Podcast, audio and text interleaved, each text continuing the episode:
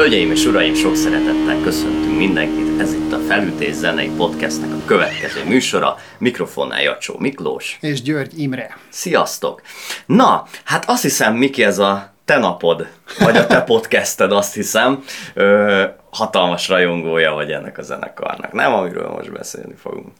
Úgy fogalmaznék, hogy minden hibájukat és minden gyengeségüket ma már látva és elismerve is azt én ki, kimerem jelenteni és vállalom, hogy tulajdonképpen ez az a zenekar, ami engem elindított igazából az élőzene, meg a, meg a zenéknek a felfedezésének az útján. Tehát ő, ők voltak az első kapocs, tulajdonképpen az első olyan zenekar, akikért így rajongtam, akiknek kiraktam a pószterüket a szobám falára, meg, meg, meg megvettem még a nem tudom, maxi CD-jüket is, tehát uh, szerintem ahogy neked a Korn, úgy nekem a Limbiskit az, amelyik így erősen besodort valami, valami újdonságba, e, nagyon fiatalom.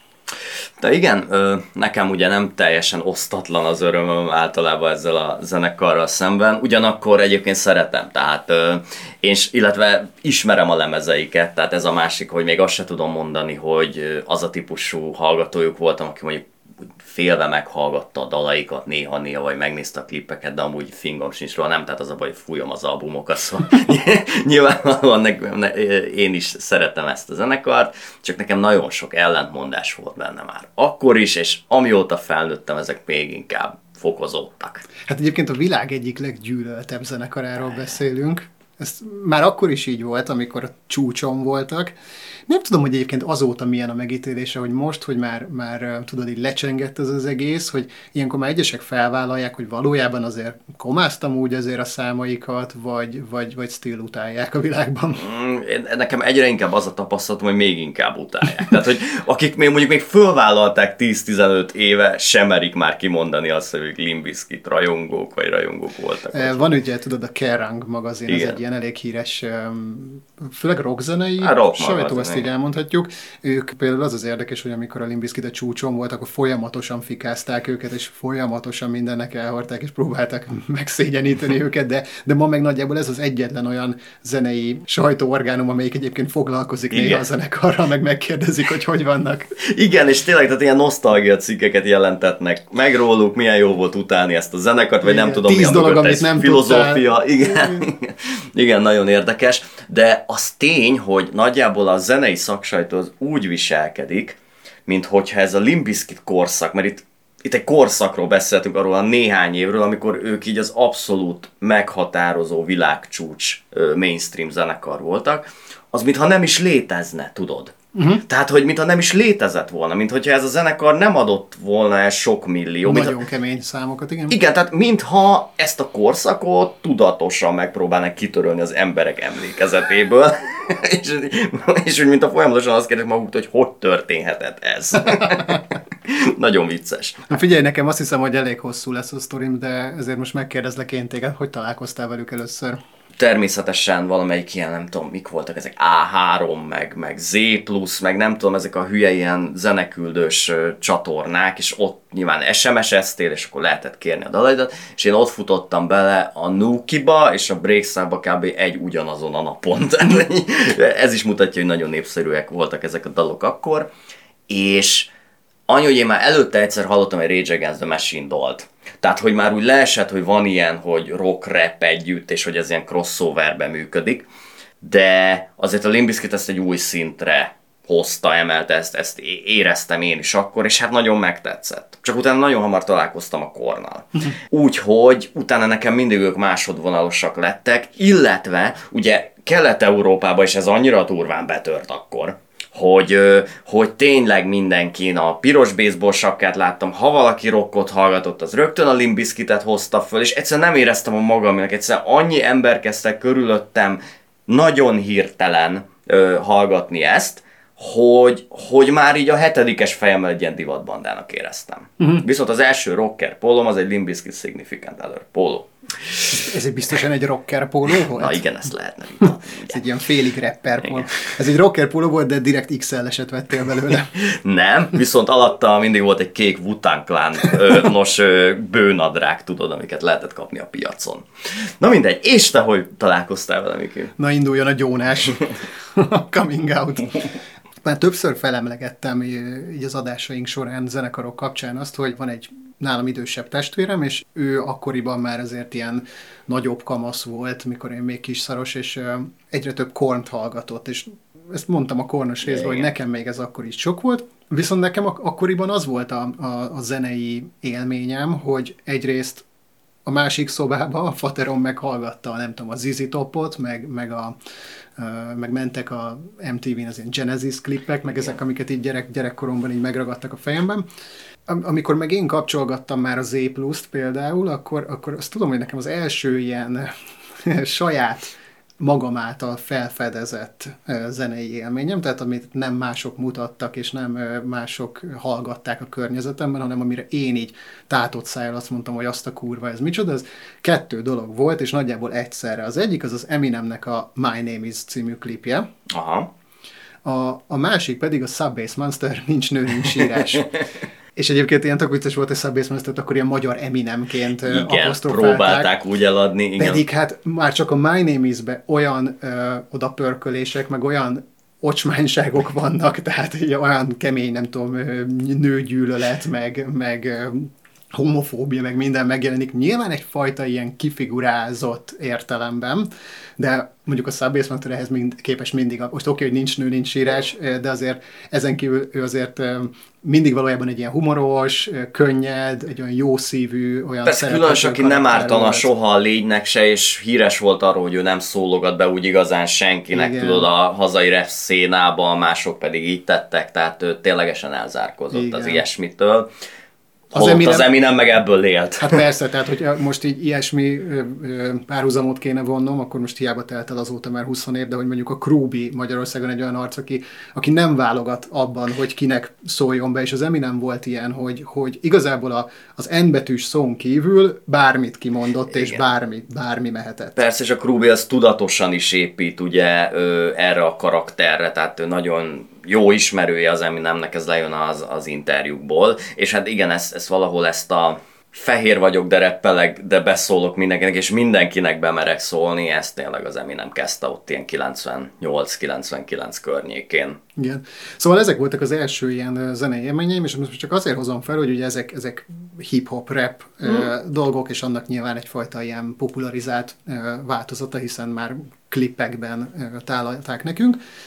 És akkor ezzel így párhuzamosan emlékszem arra, hogy, hogy a, a bátyámnak az egyik barátja, akivel akkoriban gördeszkáztak, meg azóta is így nagyon jóban vannak, ő, ő talán valami külföldi nyaralásra ment, és hát ez még tényleg az a korszak, amikor azért az ember CD-t meg kazettát vásárolt, és az egy, sőt, amikor már a kazettáról túlléptél a CD-re, az már egy ilyen... Ez egy ilyen minőségbeli hát, javulást jelentett, tehát hogy egy, egy, egy, egy, egy, nem lehetett a kettőt összehasonlítani, szalag, Igen. lézeres CD, lézer. Neked meg van CD, nekem csak kazin. ez, ez borzalmas volt, tehát hogy fele annyinak érezted magad a másikkal szemben, akinek ugyanaz CD volt, meg ami most már így utólag szinte kijelenthetjük, hogy egy sokkal szarabb minőség, vagy nem, tehát a kazettáim még a mai napig funkcionálnak otthon, holott a CD-im már össze recsegnek, meg minden bajuk van, mert... Ugranak. Meg. Ugranak, igen.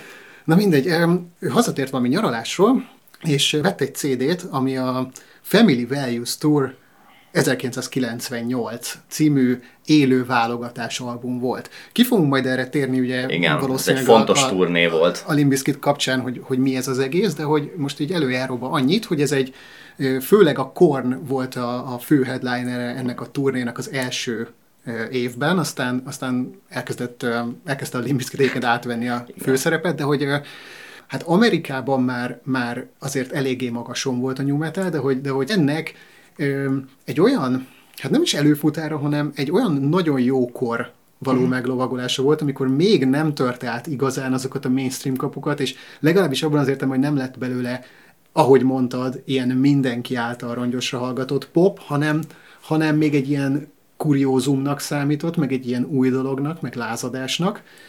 És ugye az volt az egésznek az érdekessége, hogy ott van a Korn, amiben persze szintén fel lehet fedezni a hip-hopos gyökereket, elmennek egy olyan nagy stadion turnéra, ahol mondjuk egy este alatt lehet, hogy fellép vagy hat produkció, de néha még akár több is, rock, metal, rap, rap, keverve. rap metal keverve, akár még elektronikus zenei produkciókat. Tehát például ezen az első 98-as lemezen, ugye a Korn mellett ott volt már a Limbiskit, ott volt az Incubus, akik egyébként a máig az egyik kedvenc uh-huh. zenekarom, de például ott volt Ice Cube. Persze, tehát hogy alapvetően ennek a crossover hangzásnak ez egyfajta ilyen népszerűsítő körútja volt. A, a Korn az alapvetően híres volt arról, hogy ugye ő fel akarta építeni a Korn és a Hold udvarát, és ugye ők tényleg, mint a politikusok ilyen kampányokra indultak, ugye mielőtt megjelent a Fall of the Leader, de erről talán majd később egy másik uh, adásban beszélni fogunk, ugye egy országszerte járták a városokat, mindenhol nem tudom, napokat dedikáltak, minden rajongóval beszéltek, ugye ezt végigkövette az MTV, tehát ők alapvetően hatalmas médiakampányt építettek arra, hogy igazából nem csak magukat, hanem ezt az egész új ö, műfajt, ennek a rocknak, rapnek, elektronikus zenének a keveredését, ezt, ezt népszerűsítsük. És a Family Values Tour, ez szerintem egy ilyen döntő pontja volt ennek. Így van, így van, így van, és na szóval ezen a CD-n volt, volt, volt rajta a Limp Bizkit, ez már az első lemezük megjelenése után jött ki, és hát ekkor így megismerkedtem a nevükkel, meg mondjuk azzal, hogy persze ezt a CD-t így otthon hallgatott tesóm, és akkor úgy, úgy volt, ami megtetszett róla, nekem is, de, de még, még ekkor igazán nem szerettem bele a zenekarba, hanem aztán a következő dolog történt, és nagyjából teljesen egy időben, 1999-ben. Nekünk ez egy ilyen családi ilyen hagyomány volt, vagy nem is tudom, hogy vasárnap délután csörög a telefon, és, és az egyik Amerikában élő eh, magyar származású rokon telefonál haza, és akkor elmondja, hogy mi van kint Amerikában, meg nem tudom, mi van a Clintonnal, meg akár szóval, hogy ilyen, ilyen, meg ilyen családi dolgok, de hogy ez egy ilyen viszonylag nagy szám volt, hát tudod, hogy így, hát Amerikából így telefonálnak, hát mi sose hívtuk fel Amerikát, mert az így hm. biztos, nem tudom, azt iszonyat drága, és akkor mi nem tudunk ki telefonálni Amerikába. És egyik alkalommal tisztán, tisztán emlékszem, hogy én vettem föl a telefont. És én tökre szerettem így gyerekként fölvenni a telefont, és mindig ilyen nagyon-nagyon kedvesen bemutatkoztam, és, és, és adtam át a szüleimnek a telefont. Szóval telefonál a nagynéném, és akkor beszélgettünk kicsit, meg kérdezte, hogy meg minden, és akkor kérdezi, hogy te figyelj, te, ne, ti ismeritek ott Magyarországon azt a, ezt a limbiskitet? Ézek, hogy így persze, hogy ismerem, hát hogy ne ismerném, én ne ismerném. És mondja, hogy hát mert hogy képzeld el, hogy ez most itt kezd egyre, egyre híresebb lenni, de hogy a, a, az unoka testvéred, vagy egy ilyen másod unoka testvéred, az a, az énekesnek a, a menyasszonya. Én meg ilyen földbe gyökerezett lábbal, tudod, így, így tátott szájjal ülök, mi van? Mondd még egyszer. És akkor ez egy ilyen darabig elhúzódó történet volt. Um, nem lett Fred Durst felesége semmelyik másodnak a testvérem, itt lelövöm a poént, de hogy állítólag tényleg volt köztük valami, most, hogy ez egy ilyen komoly kapcsolat volt, hogy valójában ekkor már minden városban volt egy csaja, azt nem tudom, és nem is akarok. Fred Durst és a nők azt szerintem egy külön fejezetet érdemel ebben a beszélgetésben, mert azért nagyon sokszor ihletődik az ő problémás kapcsolataiból.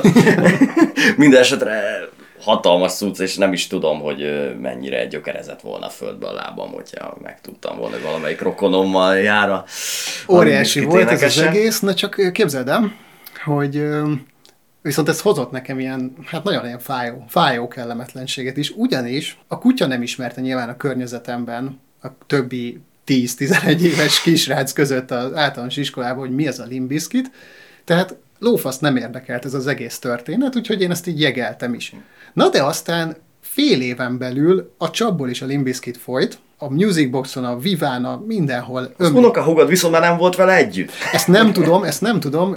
Talán ekkor még igen, de mondom, ha. ez az egész történet, ez, ez nekem így annyira nincs meg, hogy valójában ez mennyire volt egy komoly kapcsolat, de mondjuk Értem. úgy, hogy volt köztük valami. Na de aztán telik az idő, és akkor nagy szám lesz a Limbiskit. És én ekkor vettem elő a kis sztorimat, hogy jó, de srácok, azt vágjátok, hogy én meséltem, hogy ennek az énekese a, a unokatesómmal jár. Na igen, ám, de akkor viszont senki nem hitt már nekem, és én voltam a hazug gyerek, mert hogy, mert hogy így e, persze, persze. De úgy ez tényleg hordasnak kamunak hangzik, tudod, egy ilyen 11-2 éves gyerek száját, hát hogy a suliban nem. Hogyne, azzal menőzöl, izé, piros baseball sapkába, tudod, hogy, hogy ami még nem is full cap, mert még nem tudod, hogy hol lehet kapni ezzel menőzöl, és, és tényleg senki nem hitte el nekem, és akkor emlékszem, hogy tudod, már ilyenek voltak, hogy hát de kérdezzétek meg anyukámat, hát izé, hát, szóval nem, nem tudtam erre mit mondani, na mindegy, ellaposodott ez a történet, itt most megemlékeztem róla, és ez volt az én nagy. És majd jönnek a kommentek, hogy micsoda kamu gyerek ez a Miki. Most iratkozom le a csatornátokról, szaráziak. Ja. Na de, viszont mi, mi zuglóban laktunk, és és tökre szerettem bejárni a Sugár áruházba, az még ma is áll, de azért akkor, akkor ez volt az, e, talán ez volt az első ilyen pláza Budapesten. Én akkor még nagyon falusi voltam ebben az időben, úgyhogy nem tudom. Én amikor ide kerültem, már volt Pólus Duna pláza, és sorolhatnám, úgyhogy... Nem akarok hülyeséget mondani, az a lényeg, hogy, hogy a, emlékszem, hogy a föld szinten, hogyha elsétáltál az, az épület legvégébe, akkor volt egy lemezbolt. Hmm. Hogy most ez Virgin Megastore volt talán, vagy valamilyen lemezbolt volt, ez eleve ma már olyan furcsán hangzik, tudod, hogy mostanában vannak ezek a lemezboltok napja, meg független lemezboltok, meg ilyesmi, és eleve olyan furcsán hangzik, hogy egy plázában volt létjogosultsága egy ilyen, mit tudom ilyen 100 négyzetméteres boltnak semmi másért, mint hogy az emberek kazettát és CD-t vásároltak. És nem még ez a visszatérünk a hipsterként, és izé lapozgatjuk a bakeliteket, hanem hogy, hogy, hogy egy ilyen teljesen átlagos dolog volt, hogy mit tudom én, veszek valakinek ajándékot, jó, bemegyek a izé, kazettaboltba, és, és akkor né, nézek, egy, hogy mi, a, mi most a menő, meg bele lehetett hallgatni. Meg és voltak eladók, akik így Kenté. mindent ismertek, Igen. viccen kívül, tehát akit oda fölvettek, ezek ilyen elképesztő volt, hogy bármilyen ilyen undergroundabb dolgot kerestél, amiről azt hitted, hogy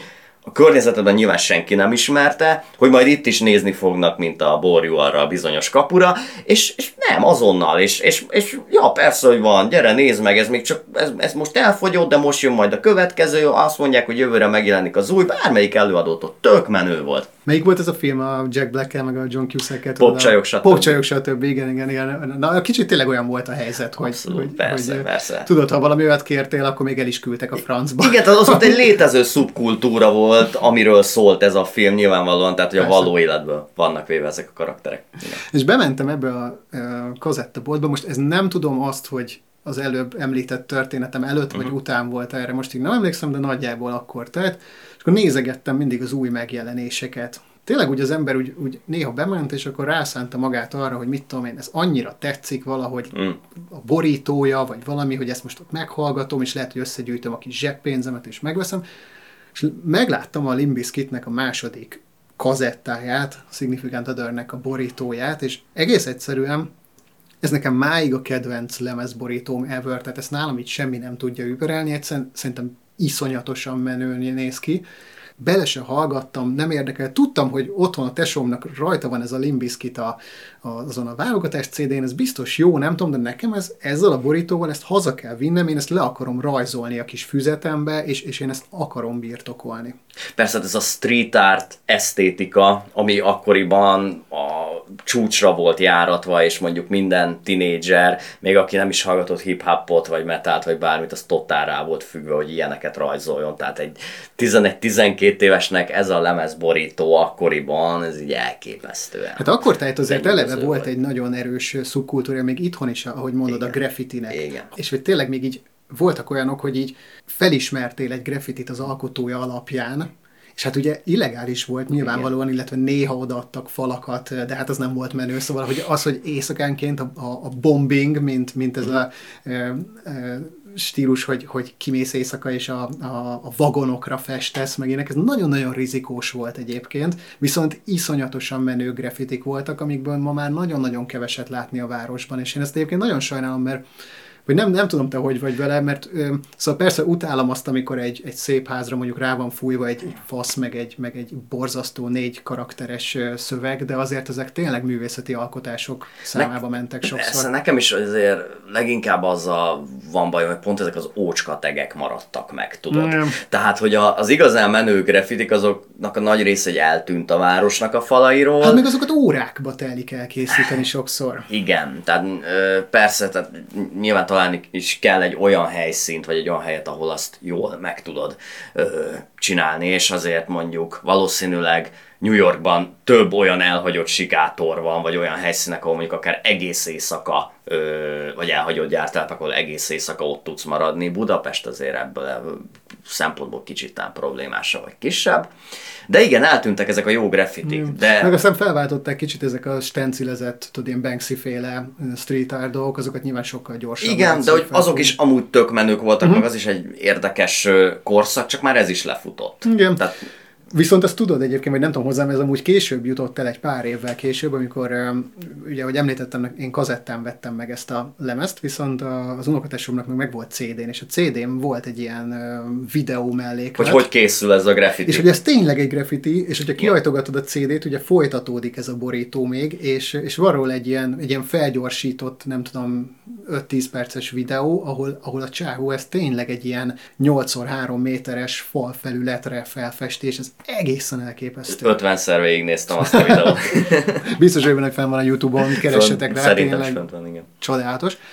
Na szóval megvettem ezt a kazettát, és innentől kezdve eh, következett egy ilyen, hát szerintem egy ilyen a, a Chocolate Starfishig bezárólag, ami egyébként nagyon hamar követte aztán ezt a lemezt, szóval egy, egy olyan egy év, amikor én minden nap, amikor hmm. hazaértem az iskolából, eleve alig vártam, hogy hazaérjek már abból a kurva iskolából, és tehessen be a Limbiskit kazettámat, és, és akkor háromszor lepörgettem egymás után.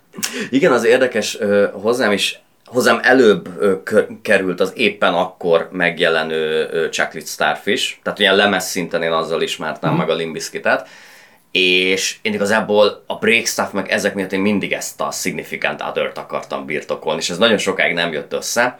Aztán végül valaki először talán kazettán odatta nekem, és aztán megvettem CD-n később, és a mai napig az az érzésem, és akkor, amikor ezt először betettem, tudtam, hogy tehát ez a jobb. Uh-huh. Ez, ez, ez tényleg egy marha jó lemez. A Chuck starfish már akkor is voltak kifogásaim bizonyos dalokkal szemben. Annak az is egy tök jó album, de hogy a, a Significant Other az ilyen eszencia. Túl van ugye a kezdeti gyerekbetegségeken, amit az első lemez bizony birtokol elég nagy részben, és még annyira nem kurvultak el, hogy olyan nagy bulislágereket írjanak, mint a Rollin, ami nekem már egy picit taszító volt. Mm-hmm.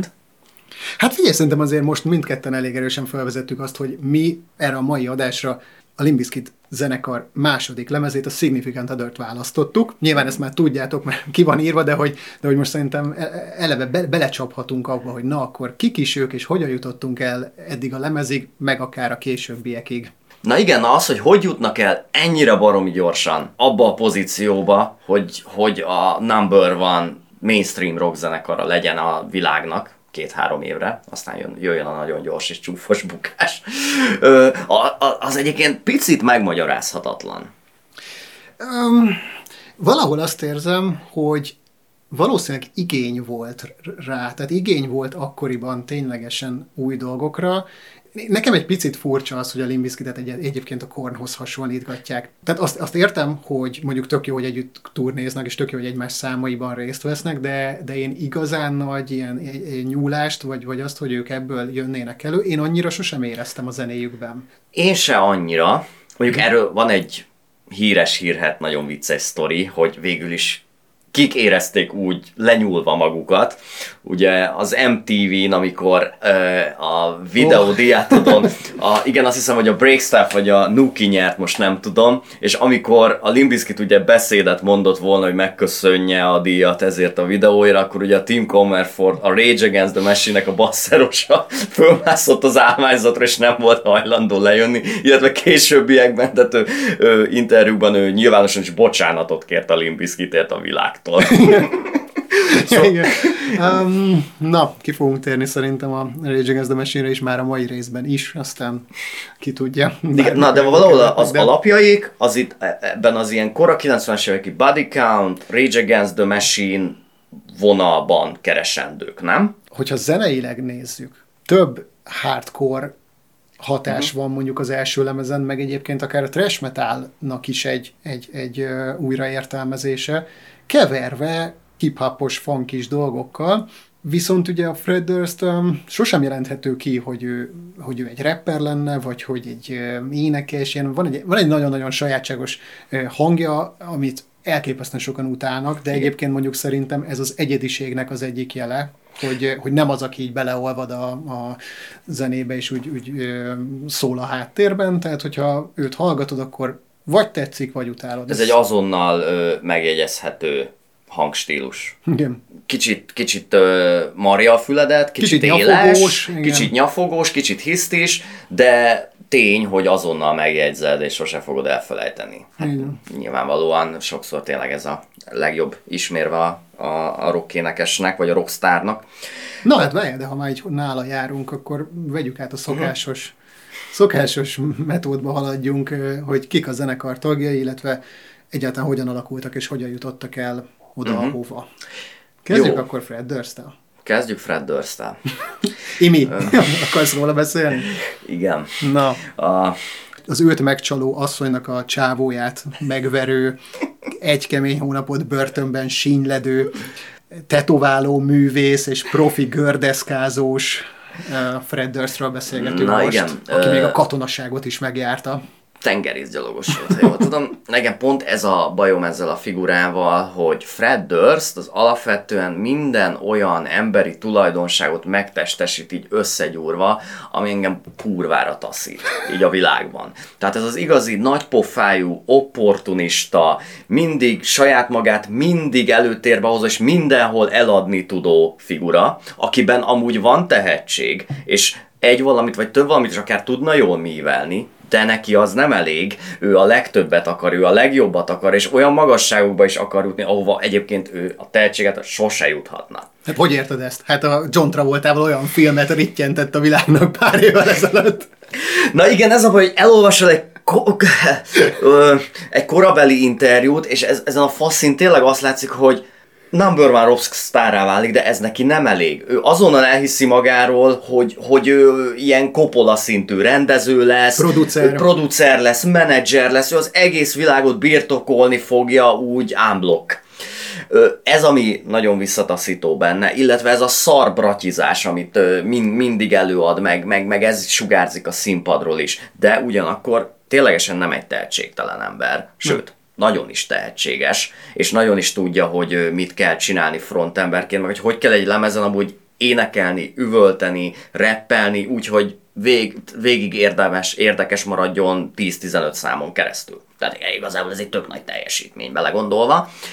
De tényleg, tehát ő egy, egy, egy olyan az utcáról fel, folyamatosan feltörni akaró proli gyerek igazából. Annyi olyan kommentet olvastam az évek során, bármelyik Limbiskit YouTube videó alá, egy Görgetsz 3 és ott lesz egy olyan komment, hogy ez a zenekar olyan jó lenne, ha nem Fred Durst lenne az énekese. De Sose egy- hallottunk volna Igen, tehát e- ezek a legnagyobb baromságok, ha valakinek a fejében ezek a gondolatok megszületnek, ez a legnagyobb baromság. Tehát, hogy mit tudom, persze lehet azt mondani, hogy a Rage Against the Machine olyan jó lenne, ha nem az Zach de la Rocca lenne az énekes, hanem a Chris Cornell, igen, akkor hallgass Audioslave-et, de azért van nagy különbség, mert, mert pont amiatt, hogy ott már egy dallamos éneklés alá komponálják a dalokat, meg, megtartják a saját stílusjegyeiket, de igenis másképp kell működnie. Tehát olyan verzió nincsen, hogy megfogod a Limp Bizkit számokat, letörlöd a Fred Durst sávját, és akkor ráénekel a, nem tudom, a, mit tudom én, Eddie Vedder. Persze, Nincs meg, ilyen meg nem azért, tehát, hogy a, az a Audio Slave is a, igazából egy ilyen jutalomjáték volt annak a négy zenésznek, mert mindenki előtte már karriert csinált, és ők azért egy alapvetően egyáltalán nem divatos zenével, ami a totál a korszellemen kívül volt, akkor mégis sikeresekké tudtak válni. De a Rage Against the Machine előtt, ha ezt megcsinálják, senkit nem érdekel valószínűleg ez a zene. És ugyanez igaz a Limp Bizkitre, azon kívül, hogy három kurva jó zenészt hallgatnál, de millió egy volt még akkor ebből valószínűleg, aki próbálta lenyúlni akkoriban a Kornt, a Rage Against the Machine-t, meg az 5 millió másik ilyen rap, rock, new metal zenekart. Na most ha haladjunk úgy szerintem most a zenekar tagok sorában, hogy, hogy hogyan kerültek be a zenekarba. Jó. Tehát ugye az történt, hogy a Fred Durst uh, kitalálta, hogy ő már mindent elért az életben, és Hát mindent most, megpróbál. most már ideje lenne azért rockstar, rockstarkodni egy kicsit, hogyha már, már ekkora tehetség. és um, elkezdett zenekar toborozni maga köré. Az első olyan figura, aki aztán azóta is a zenekar tagja, és akit így megtalált, az a Sam Rivers basszusgitáron. Mit lehet róla tudni? Sam Rivers egy tehetséges basszusgitáros volt már akkor is. Um, igazából... És tök jók azok a ledek a basszusgitárján. Ja, igen, igen, az igen, egy, igen, talán nem egy sosem láttam, meg, láttam előtte, nem? Nem, nem, ez szerintem is ilyen originál. Sam Rivers azt mondta Fred Durstnek, hogy ő egyébként ilyen Megadeth rajongó, inkább ilyen trash, meg, meg, hmm. meg heavy metalos arc, amit így ránézésén nem gondolnék róla, nyilván ő is szerette a hip-hopot, azt mondta neki a Fred Durst, hogy egy, hogy egy ilyen igazi crossover zenekart szeretne csinálni, tehát nem úgy ment elvileg oda, hogy én egy, nem tudom, van ez a korn, és most akkor nyújjuk le, meg, meg ötvözzük a Rage Against the machine hanem hogy, hogy egy ilyen nagyon kemény riffeket akarok, nagyon ö, legyen ordítozás, de, de menjünk rá ilyen hip-hopos grúvokra is, és azt mondta a srác, hogy ő benne van, és hogy uh, tudom, hogy, hogy most így elsőre hülyén hangzik, de, meg, de hívjuk meg az unokatesómat, a 17 éves John Otto-t, az az Otto Jánost, aki, aki nekem az egyik kedvenc dobosom ever, és tényleg um, um, szerintem nagyon Szerintem, tök alul értékelt csávó, de, de hogy um, imádom, imádom a dobolását. Ekkor ő művészeti is, nem? Tehát ő alapvetően jazz tanul. Azt tudom, ö, hogy ő jazz dobol, És ő igen. talán dobosnak is készül. Tehát, hogy mm. ő ezt tölti ki az életét, én úgy tudom. Lehet, lehet. Az biztos, hogy, hogy jazz rajongó, de szereti a hip-hopot is, és hát um, pont ez végül is egy ilyen eszenciája már a korai Limbiskitnek is, hogy ami, ami, ami a Korn esetében is ö, érezhető, hogy, hogy el lehetne ezt csak szimplán vinni metálosabb hmm. irányba, hogyha, hogyha egy metál ö, dobos lenne, igen. Do, dobos kerül rögtön a zenekarba, de, de azzal, hogy, hogy van egy ilyen fiatal, vehemens srác, aki ismeri azokat az apró kis trükköket, azokat a ghost notokat, azokat a kis, kis csilingelő bejátszásokat, ami, amitől, amitől ez több tud lenni, és a ritmus szekció maga így, így át tudja venni az egész hatalmat a zenében, az, az, az mind benne volt már ebben a fiatal srácban. Igen, és egyébként az a vicces, hogy John Otto úgy maga szerintem arhetipusa a dobosnak ö, biológiai értelemben.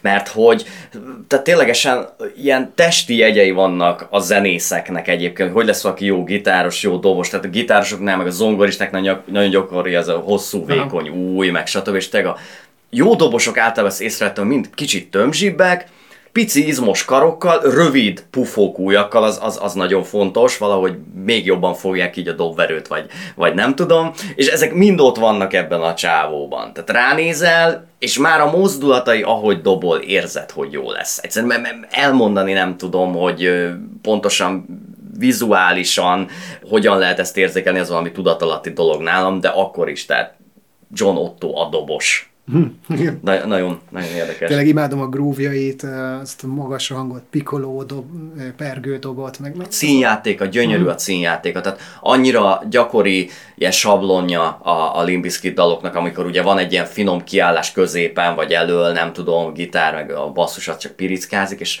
az a finom színjáték, amit ott művel. Nagyon sok színje is volt a csávónak, ez mindig látszik a videoklipekben, meg a Két nagy lábdob. Két nagy lábdob, igen ami nem tudom, hogy miért van, mert ő nem szokott duplázni. De vannak ilyen Jó, néha, néha, igen, na. tehát ő nyilván... Jól néz ki. Na. Az, igen, meg ő az a kiművelt jazzdobos, aki nyilván nem fog itt két láb gépezni megállás nélkül egy dalban, de azért néha ott van stb. Tehát jól tud 16 odozni, meg 32 edezni. Hát most előjáróban ennyit róla. Már majdnem áll össze a zenekar tulajdonképpen. Azt hiszem, hogy talán próbálkoznak is egy-két gitárossal még az elején. Egy Wes Borland nevű eléggé furcsa srác, meg csaposként dolgozik valami klubban, ezt a sztorit ezt nem is értem. Tehát ezt, ezt, ezt, ezt abszolút nem értem, hogy elvileg a Wes Borland az oda megy a Sam Rivers, mert hogy ő hallotta, hogy ő gitáros, nekik meg kell egy gitáros, mert, mert jövő héten koncert van, szóval hogy hol, honnan volt ez a koncert, a, nem is tudom, talán a Milk Bar nevű helyen, vagy valami ilyesmi, hogy, hogy és hogy lenyomják azt a koncertet a Wes borland akivel aznap este találkozik Fred Durst először. Szóval ez, ez egy ilyen, ez mindenhol így van ez a sztori. Ez nagyon gyakori volt egyébként régen, és egy csomó zenekarnál hallok hasonló sztorikat, hogy ahol úgy működött a zenekar, hogy vannak a hangszeresek és az énekes, ott nagyon sokszor az énekes nincs jelen a próbáknak a nagy részén, vagy egyáltalán. Na jó, de a Fred Durst által alapított, éppen alakuló Limbiskit próbái nincs ott. Ugye, filmet rendezett? A fiatal Fred Durstből én baromira kinézem azt, hogy jó gyerekek, csináljátok, Igen. akkor én most lelépek, és nem tudom, elmegy deszkázni, meg beszívni. Tehát, hogy én ezt tudom elképzelni a paliról. Tehát. Igen, vagy addig ült a börtönben, addig próbáljátok. Visszament egy kicsit a börtönbe, mert ledumálta, hogy ilyen részekbe leülni. Le, letöltöm most. Um, lenyomják az első bulit, és, és akkor beigazolják a, a Wes Borlandet gitárosnak, és, és Wes Borland hozza a tesóját is, Scott Borlandet, aki pedig, mint billentyűs, ők, na most azon ki vagyok testvérek, azt, azt akartam mondani, hogy onnan ismerik egymást, hogy, hogy, amúgy, hogy amúgy nekik már ekkor volt egy közös zenekaruk, és ezt, ezt a, hát mai napig szoktak együtt csinálni, és egyébként a tesója is egy gitáros, billentyűs, producer, csomót. És bocsáss meg, mi pedig onnan ismerjük a tesóját, hogy később a Significant Other nő fog billentyűzni uh-huh. egyébként, az, abban a néhány részben, ahol kell, de ezt majd később megdumáljuk. Tehát ők így együtt szállnak be a bandába, de, de a West Borland az már akkor is egy ilyen nagyon-nagyon különc arc. Ő, ő, ő az egyetlen a bandában, aki nem szereti a hip-hopot, elismeri, meg, meg, meg értékesnek tartja, de hogy ő ilyen, ő ilyen nagyon elvont metal dolgokat hallgat, tehát most értem ezt úgy, hogy, hogy, hogy, a, hogy a keményebb zenéknek is ilyen, ilyen mindenbe keresi a furcsaságot neki is mondjuk kedvence volt az Oingo Boingo, uh-huh. meg, meg a Danny Elfman, de hogy ugye az ilyen Mr. Bungle, meg, meg ezeket az ilyen kicsit ilyen elvontabb alternatív dolgokat, meg, meg, meg az ilyen nagyon gótikus, ö, ö, sötétebb világot is kedveli. Szóval az első percektől kezdve egy picit ilyen, um, ilyen, ilyen furcsa alakott a zenekarban, aki nem igazán illik oda.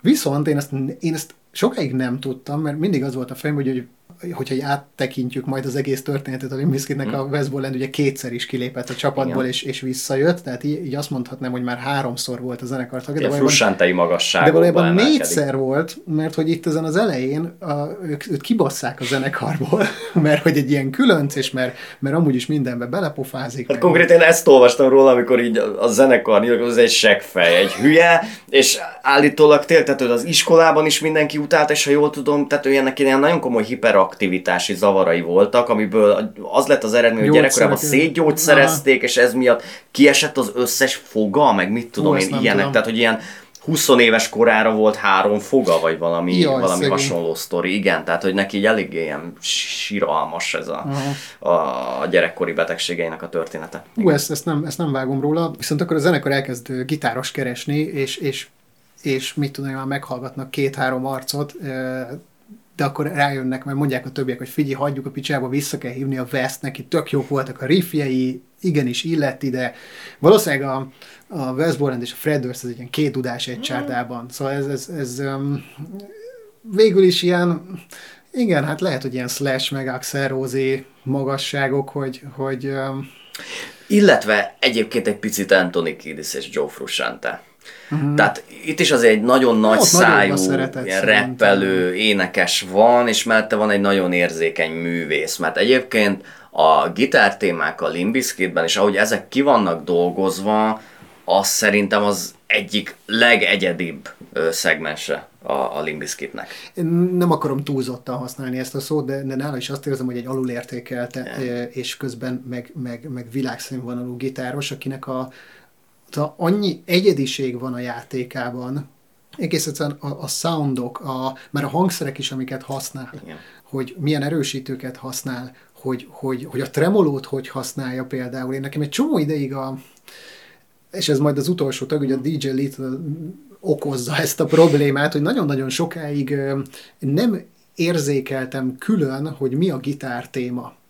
És, és és akkor jöttem rá, amikor, amikor később, amikor már gitároztam, nézegettem ilyen tabokat, meg ilyen hmm. gitárpró, vagy mi volt ez a Igen. program, tudod, és, hogy, és néztem, hogy ezt játsza, ez mi a szar, olyan furcsa ez a ritmika is, meg hogy most mikor használjam a tremolót, nem tudom, és, és nem tudtam eljátszani ezeket a témákat, nem azért, mert olyan bonyolultak, hanem valahogy annyira így, ilyen, ilyen ritmikus és ilyen, ilyen helykitöltő furcsaságokat tud ő néha játszani, hogy nincs meg az a, tudod, amit úgy így, így külön eldúdolod a riffet. Mint mondjuk, ami a Rage Against the Machine-ben, ahol kifejezetten ilyen, ilyen egyhangos, pentatonos, kicsit ilyen bluesra épülő, viszonylag egyszerű, de markáns gitárriffek vannak. Hát ott, minden egyes gitárriffet attól függetlenül, hogy, hogy van rajta szöveg, hallok, és el tudok külön neked dúdolni, és le is játszom. Ezeket meg így nem értettem, hogy ezek mik. Igen, a, ugye azért a 90-es éveknek a vége, az szerintem a gitár technikai értelmében egyfajta csúcspont. Úgy értem, hogy nagyon sok mindent találnak akkor ki erősítőkben, gitárokban, magukban a hangszerekben és gitáreffektekben. És tehát neki a, a gitárkezelése, ez az rendkívül szállós ambient hangzás, ő ezt csúcsra járatja, és szerintem mindent fölhasznál, amit akkor ö, föl lehet használni az újfajta technikai lehetőségek által. És persze az erősítő használat az, az külön szerintem az egyik legegyedibb erősítő használat. Ugye egy picit itt ő is rááll a korn irányra, tehát amikor zúzós riffeket hallunk, akkor az ott egy mezabugi, mint a, mint a korn esetében. Viszont ugye itt jön a váltás, hogy ugye a Roland gitárerősítő használja ez a jazz kórus, amiről azt kell tudni, hogy én úgy végig kíséri ez az erősítő a 80-as éveket, és mindig akusztikus dolgokat rögzítenek vele, mert nagyon, nagyon jól szól. Ugye a tranzisztoros erősítőről beszélünk, aki nem tudja, hogy általában ott a torzított nem szól annyira jól, a Dimebag Darrell kívül ezt általában mindenki belátja, ő egy karrieren ki, keresztül nem volt ezt hajlandó elfogadni. Na mindegy, és ezt a kettőt váltogatja, tehát az akusztikus hangzásoknál ezt a jazzkórust mhm. halljuk, torzítottaknál pedig a, a mezabugét, és ez a kettősség, ez még jobban szétválunk, mint a kornban. Ugye ott beszéltük, hogy ja, ilyen nagyon finom alátétek a verzéknél, és nagyon zúzós refrének, meg, meg riffek követik ezt a finomságot mindig. Na és itt aztán a végletekig ez el van válva, nem? Mm. Tehát, hogy a, a nagyon populáris, nagyon finom gitárhangok, és a nagyon zúzós, nagyon brutális ö, refrén, refrénzúzások. Tök egyedi.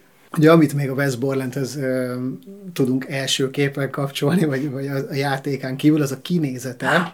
Az, hogy neki olyan tehát ő, ő csúcsra járatta a színpadi megjelenést, azt, hogy, hogy hogyan festi ki magát. Eleve az van, hogy itt van ez a zenekar, amiben mindenki baseball sapkában, meg bőgatjában van, meg nem tudom, és akkor közben meg itt van egy ilyen feketére mázolt ö, csávó félmeztelenül, betéve ezek a hatalmas fekete kontaktlencsék, amitől ilyen tök félelmetes, meg ilyen furén UFO kinézete van, akkor a haja közben fehérre van festve, meg nem tudom, ezt mai napig űzi, hm. ő, ő mindig kifestve lép fel, illetve beöltözve, mert tehát hogy most az elmúlt években is olyan kinézetei voltak, én nézegettem képeket, és hogy itt van, amikor az egész turnét lenyomja ilyen havai ing, meg, meg napszemüveg, meg kalap, meg izé, de közben meg alsógatjában van, és az egész arc ilyen creepy van festve, meg nagyon durva az, az, az, az arcfestése is, amikor a szemei alá szemeket festett, és az tényleg így annyira keményen néz ki a színpadon, hogy...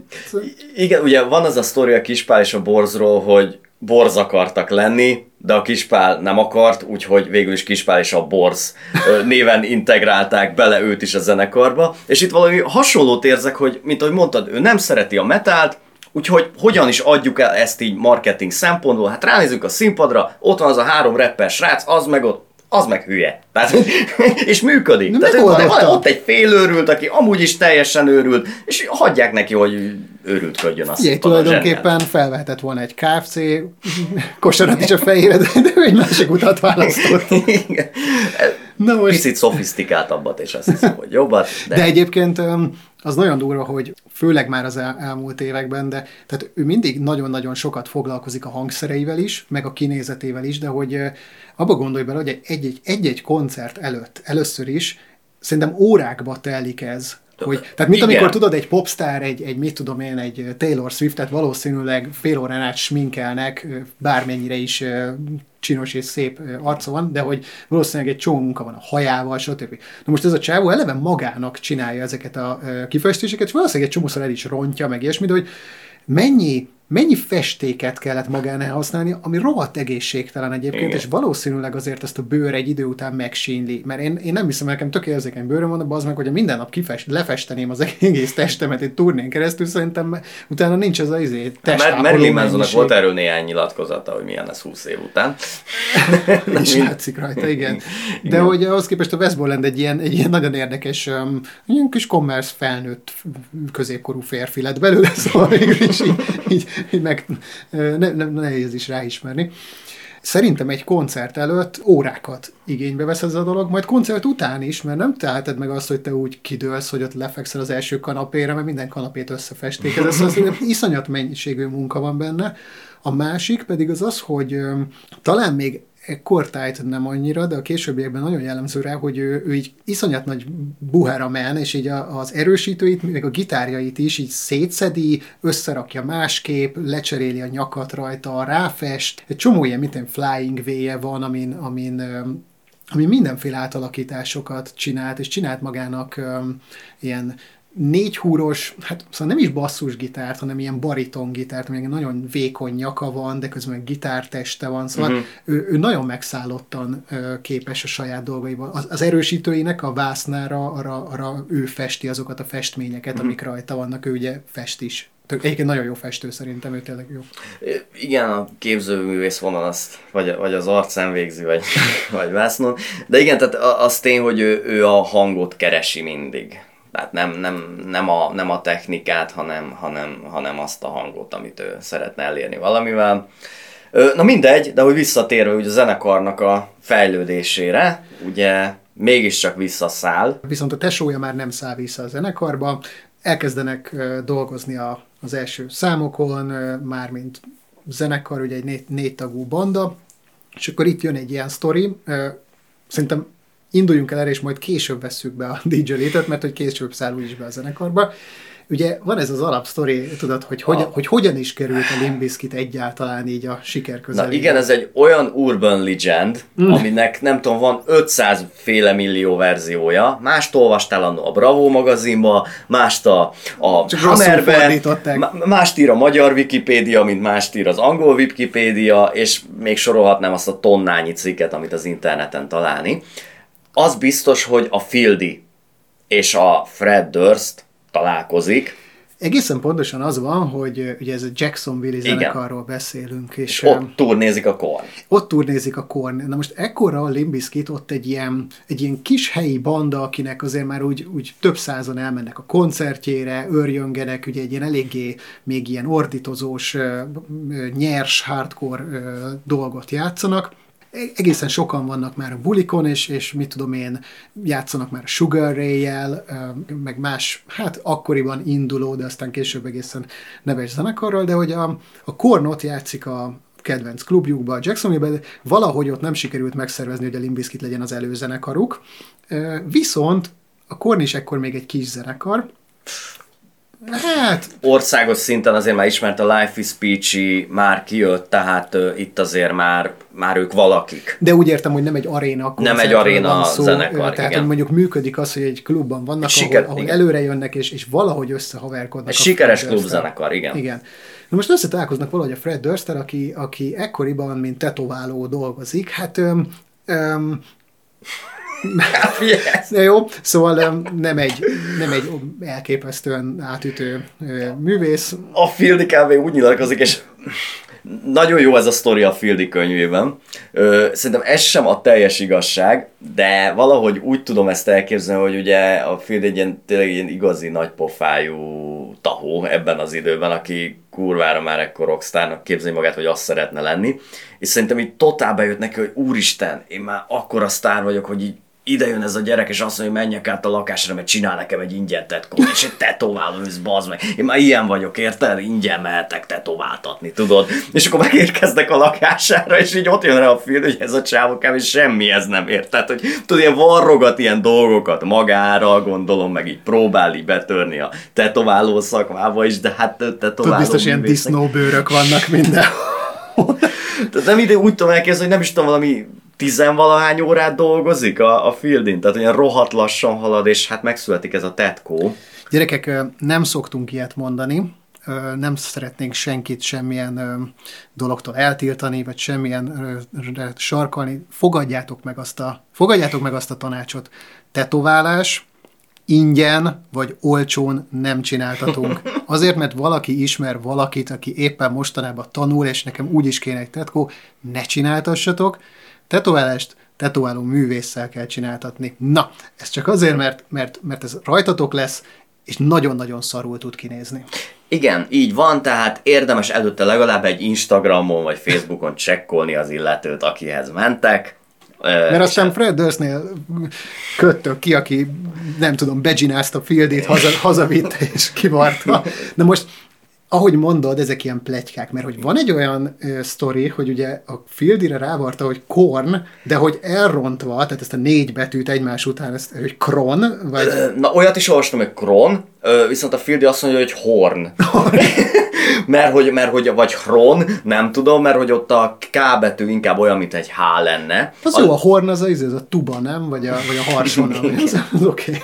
Igen, a lényeg az, és én nem láttam ezt a tetkót lefotózva, de hogy nyilván az egy ilyen amatőr tetoválás, és szerintem a Fieldi már nem annyira volt boldog, de biztos vagyok benne, hogy itt volt vagy valamilyen narkó is a sztoriban, vagy, vagy csajok, vagy, vagy valami, amiről nem akar a Field se a Fred Durst beszélni, de nem hinném, hogy kurva nagy kedve valaki, van valakinek egy koncept, egy full ismeretlen idegesítő csávóz átsétálni a lakásába. Na, hát ö, egyébként a, a, van egy magyarul megjelent Limbiskit könyv, ebben még az a történet is felmerül, bár ezt nem nagyon láttam máshol, hogy, hogy aztán a Jonathan Davisnek is készített egy tetkót a Fred Durst, a seggére egy déli zászlót, amit viszont ír színekkel készítetett el. Tehát, na, ha ez igaz, akkor fotót szeretnék róla mindenféleképpen. Ez a Bánfalvi Ákosnak egyébként a könyve. Erről tudni kell, hogy ez korabeli termék, tehát akkor készült, amikor a Limbiskit a csúcson volt, és hát nyilvánvalóan ebben az időben nagyon nehéz volt még tájékozódni a Limbiskitről, illetve arról, hogy pontosan ezek a zenekarokkal mi történik Amerikában, és ezeket a híreket leellenőrizni. Hát és ahogy mondod, ugye ez, ez főleg újságcikkekből, meg interjúkból Igen. van fordítva, és azért ha valaminek nem lehet hinni, akkor azok újságokban megjelent interjúk, tehát hogy azok, azok ugye tudjuk, hogy most bulvárlapokban egy, az, hogy egyáltalán elkészült az az interjú, vagy az úgy történt, ahogy, ahogy ezt valóban mondták, ez mindegy, ez nem az a fajta könyv, mint mondjuk az Anthony Kiddison életrajza, vagy amit mondjuk a Fieldi megjelent. Persze, de emellett, tehát, hogy minden tiszteltünk a könyvet, tehát senki nem tudott volna. Nem egy jó korszak lenyomat, sajnálom, hogy mondjuk úgy bővebben nem lehet tényleg a zenekarnak a... a... Igen, vagy nem lett folytatása a későbbiekben egy, egy, egy, egy komolyabb. Passió és... kettő. Na de, de hogy ekkor járja ugye még, még az a sztori, ez még a pletyka másik fele, hogy Fred Durst ettől függetlenül azért a, a, rosszul kivart Fieldinek átadja a demo kazettáját, ugye a zenekarának a demo kazettáját. Fieldi meg, meg mondja, hogy jó van, tesó, persze, ezt odaadom majd a producerünknek. Na most ezt odaadja tényleg a Ross Robinsonnak, a barátnőjének, vagy a barátnő, a Ross Robinson csaja hallgatja meg ezt a kazettát, mert nyilván ekkoriban a Ross Robinson így ömlesztve kapja már a demo kazettákat. De hát ugye más az, hogyha valamit a Fieldi visz oda. És azt tudom, hogy a, a Ross Robinsonnak a csaja hallgatta meg, és mondta, hogy figyelj, ez tök jó ez a banda, ezt, ezt hallgass meg, ezt, ezt, ezt tényleg ez, ez érdekes. És akkor meghallgatja, és megtetszik neki ez a zenekar. Az első adásban kiveséztük, hogy ki is az a Ross Robinson, tehát ugye ő volt azért az egész ő, ő, mint ilyen keresztapát, őt, őt Igen. tartjuk a new metal, mint hangzás producerének, mondhatni ilyen feltalálójának, tehát ugye ő volt a Korn első lemezének a, a producere, és ez elindított egy olyan lavinát, hogy rengeteg zenekar jött hozzá Igen. ezt a Szerintem itt már a Sepultura Rootson is túl vannak, én azon gondolkodom. Tehát ténylegesen ő ebben a szubkultúrában, már mint a Ross Robinson ilyenkor már egy félisten. Igen, igen, és, és tényleg felfedezi magának a Limbiskitet, mit lehet erre mondani? Nyilván megy a zenekar, és megy dolgozni Ross Robinsonnak, és megkezdődnek az első lemeznek a munkálatai, időközben leszerződtetik őket egy kiadóhoz, és akkor egy kicsit ilyen delayezve, ugye az van, hogy kéne még egy tag a zenekarba, egy turnén, ahol a, talán az már a House of Pain-nek a búcsú turnéja. Igen, és túl vannak már a csúcson. És bőven. ott játszik ugye előttük a Limbiskit, és az nagyon megtetszik a DJ Little-nek, aki a House of Pain-nek a, a scratch elő um, sampleres DJ-je, DJ tehát ilyen turntablist, ugye, hogyha most a House of Pain egy, dal, egy dalról biztosan mindenki ismeri, ugye ez a Jump, Jump Around. Jump around. Igen ez egy ilyen óriási nagy hip-hop himnusz, és ettől függetlenül egyébként azért akkoriban voltak még slágerék, tehát az van, hogy eleve a DJ Little, amikor beszáll ezekhez a fiatal srácokhoz, ő egy kicsit idősebb is, illetve ő már tényleg egy olyan karakter, aki már mit, milliós példányszámú lemezt eladott a világban, meg már végigturnézte a világot, és hogy szóval mondjuk a Fred Durst ő rá úgy tekint, mint egy, mint egy, mint egy komoly reparcra. Persze, hát ez egy nagyon nagy szintlépés, hogy egy ö, ennyire elismert és ismert ö, figurát a zeneiparból be tudtak szippantani magukhoz. Megtetszik neki, és feloszlik a, a House of Pain? House of Pain, ugye a fő frontember aztán később, mint Everlast, Igen. a.k.a. Whitey Ford ismerjük, és belekezd a country rap világába. Igen. És ez mai napig űzi. Mai napig csinálja. Én egyébként nagyon szeretem őt, de állítólag ő is egy jó nagy faszfej. De... Igen.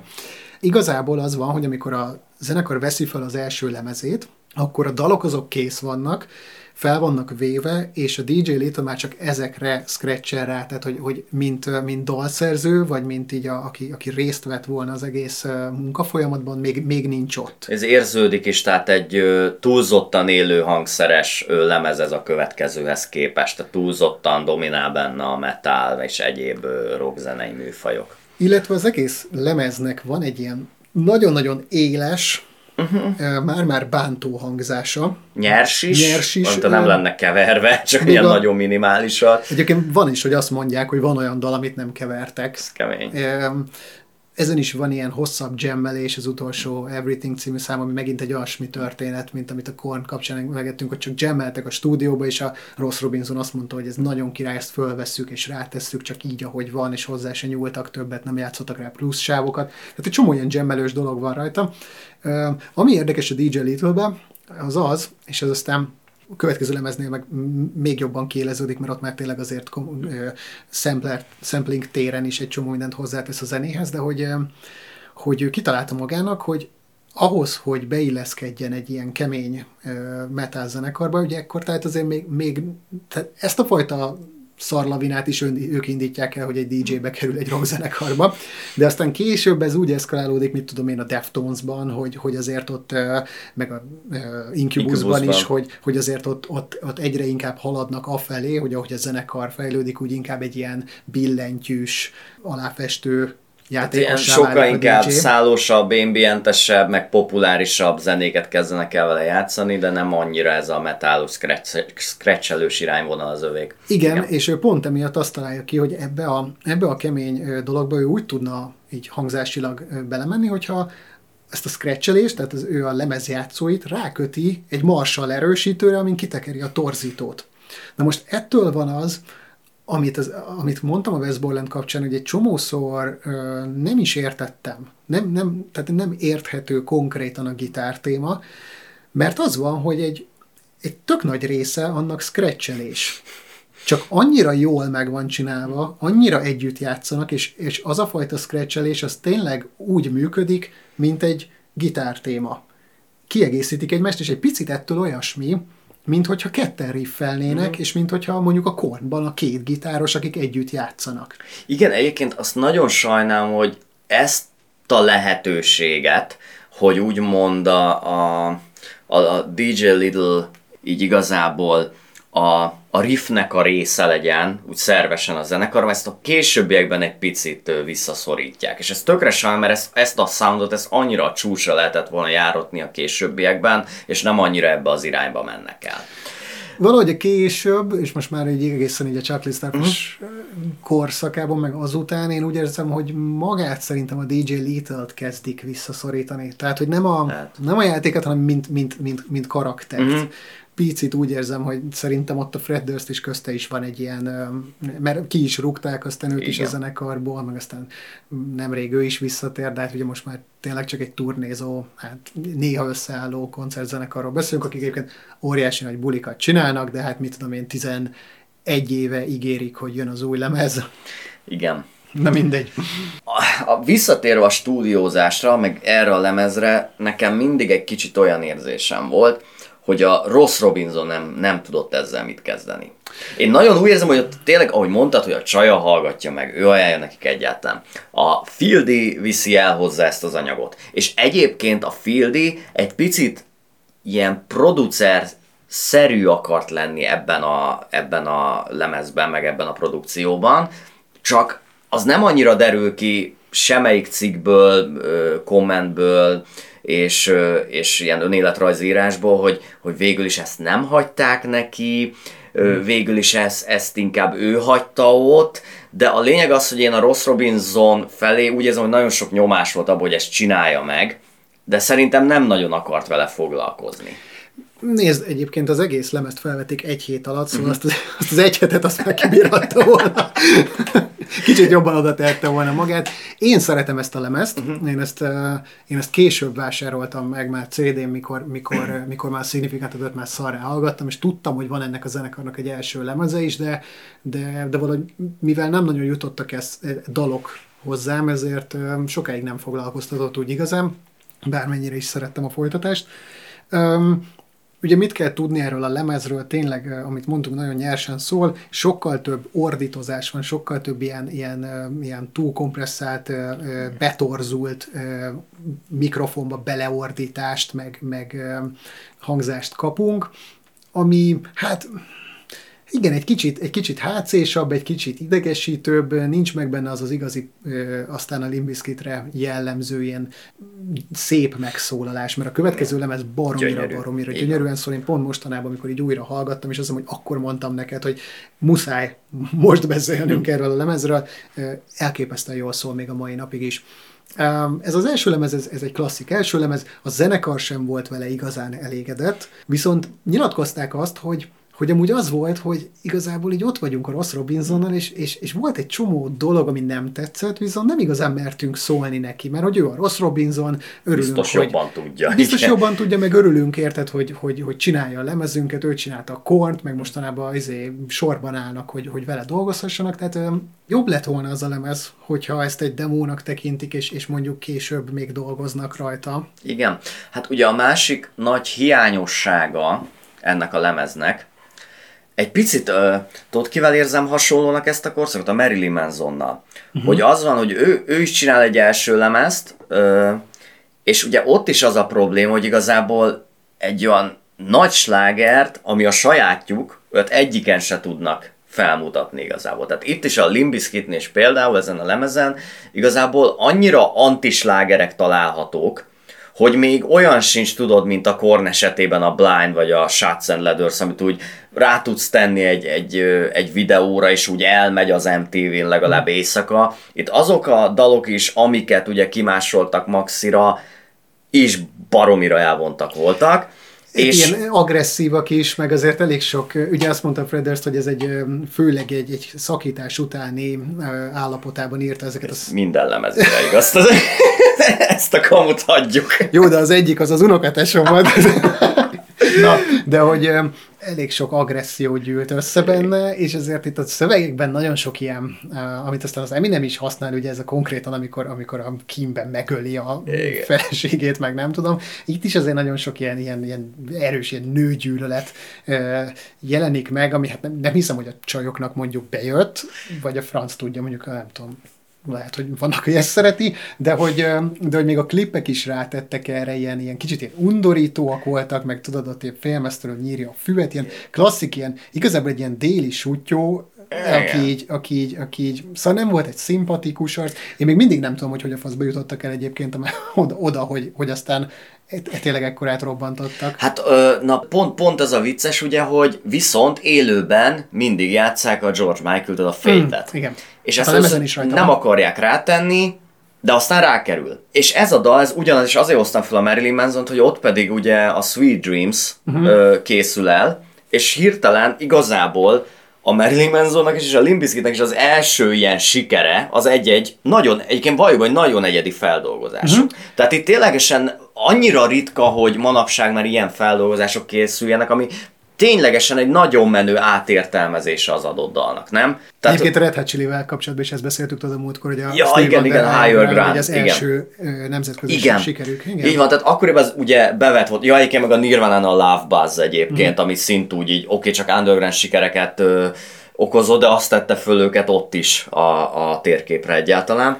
A Menzon talán azért egy kicsit komolyabban áll hozzá magához ahhoz a feldolgozáshoz. Én, én úgy veszem Igen. észre egy sötétebb oldalról. Ugye a Limbiskit az tulajdonképpen egy ilyen kicsit ilyen viccet csinál a, a George Michael fétjéből, ami ugye egy ilyen nagyon ilyen, ilyen rock and rollos kis lüktetős kis popdal, és csinálnak belőle egy ilyen get the fuck up! és cseszik az egész. Igen, de az alapvetően hatalmas ötlet, hogyha már, ha már a refrén csak annyi, hogy fejt, fejt, fejt, akkor mit csinálnak? Üvölcsem, mint az állatban. És, és akkor igen, megtartják közben ezt az ilyen kis akusztikus intrót, hmm. meg, meg verzerészek, azok ilyen pankosak, de hogy tényleg ez alapvetően egy szerethető dal, ami a rock rádiókban szólhat. Illetve a másik, hogy ők ugye leszerződnek elég hamar nagy kiadóhoz, ugye ez a Flipnél vannak, ami az Interscope igen, igen, igen. Recordsnak ilyen leányvállalata, uh-huh. vagy nem is tudom pontosan, és például ez, ez, ez miatt nagyon sokan évekig megszólják őket. Sőt, még a Bravo magazinban, amikor a híres nevezetes Bravo magazinban, amit annyit emlegetünk, először olvasom a Limbiskitről, akkor is megemlítik ezt a sztorit, hogy a Limbiskit úgy futott be, hogy Oregon államban a kiadó az 5000 dollárt fizet azért, hogy az egyik ö, dalukat, azt repeatbe játszák nem tudom hányszor ö, egy hónapban vagy egy héten. Tehát ö, persze ez nem nagyon... Ez klasszik trükk volt. Klasszik amit, trükk. Ez olyan, mint hogy nem is tudom melyik az a zenekar, akinél, akik megvásárolták első héten a saját lemezüket, Ö... azért, hogy a Billboardon előre Hát jussanak. például a Jimi Hendrix, Hey Joe, mm. ugye az volt az első maxia, vagy nem is volt még akkor ez a szó, hogy maxi szerintem, de az első kis, kis lemez, az a Hey Joe volt, és annyira nem bízott benne a kiadó, hogy az összeset felvásárolták az első héten, hogy az emberek elkezdjék venni. Mm. És könyörgöm, ki az, aki Jimi Hendrixet meghazudtolná, hogy nem tehetséges, vagy, vagy nem egy rockisten. Tehát ez egy bevett dolog. Semmi probléma ezzel, de abban az időszakban nyilván ilyen nagyon kemény urban legendek jártak körbe a világon, hogy a Limbiskit mindenhol bevásárolta magát, stb. Nézd, a zenekarok most is bevásárolják Így magukat. Van. Ugye azt hiszem a, a Junkies, ugye a, a Junkies zenekartól hallottam azt, talán egy interjúban, vagy a könyvben, nem emlékszem, hogy, hogy pont amikor mentek ezek a betelefonálós ilyen musicbox, meg ezek a Igen. csatornák, akkor ők így folyamatosan valami telefonfülkéből telefonálgattak a próbaterem mellől azért, hogy, hogy játsszák be a számokat. És még emlékszem, hogy én is küldtem sms vagy telefonáltam, hogy játsszák le a Limbiskitet, nem tudom. Tehát, hogy valószínűleg az van, hogy nem kell ehhez több száz embernek kérnie Persze. valamit egyáltalán, hogyha ketten betelefonálnak és kérnek valamit, akkor azért előbb-utóbb bekerül a, a rotációba, meg mint egy órán belül le fogjuk játszani. Tulajdonképpen ez, ez pont ugyanaz a szitu, mint hogyha ma fölrakunk a YouTube-ra valamit, vagy, vagy a Facebookra is nyomunk rá egy hirdetést. Mint amikor majd Facebookon vagy úgy jutok, Szembe jövünk veletek. Igen, így van, és úgy juttok el ehhez a videóhoz, hogy a Facebookon rákattintatok, na az nem akkor volt tudjátok, igen, Akkor nem tudjátok, hogy ma nem ettünk. igen. Na szóval, ahogy mondod, ugye mögéjük áll egy nagy kiadó, ez a, ez a Jimmy Iovine nevű mm-hmm. fa, fazon, ha valaki érdeklődik az ilyen zenei belső uh, sztorik iránt, akkor nagyon ajánlom, a Netflixen van egy sorozat, ez a The, Def- The Defiant Ones, ez a címe, és ez, uh, hát most nem emlékszem, hogy ilyen 5-6 részes talán, egy nagyon-nagyon jó uh, dokumentum sorozat, ami két külön utat mutat be, és azt, hogy ők hol találkoznak, és az egyik fazon az a Dr. Dre, nem kell szerintem bemutatnunk, hogy ővel indul az NWA világából, szóló karrier, stb. És a másik irányból meg van egy, egy, egy, egy producer, aki a Jimmy Iovine, aki, aki egy ilyen igazi üzletember fazon, aki, mit tudom én, Bruce Springsteen-nel dolgozik mondjuk a 70-es években, szóval két totál különbözőnek tűnő életút, és hogy az, hogy ők hol kapcsolódnak, és hogy aztán ők egyébként együtt hozzák létre például a Beats-et, ugye ezt a fejhallgatót, és együtt válnak dollármilliárdosokká, tehát ez egy ilyen nagyon-nagyon súlyos sztori. Viszont valahol azt érzem, hogy ők mindemellett ilyen barátok is, lettek és tudtak maradni, és ebbe a sorozatba bemutatják azt, hogy hogy hogyan, tehát ahogy az idő telik, hogy mondjuk hogyan kerül be a Menzon, a Nine Inch Nails által, hogy hogyan kerül be mondjuk az Eminem a Dr. Dre-hez, tehát hogy e, foglalkozik ezekkel a szitukkal, szóval itt, itt a Limbiskit felfedezésénél is egyébként erről a Jimmy Iovine-ról beszélünk.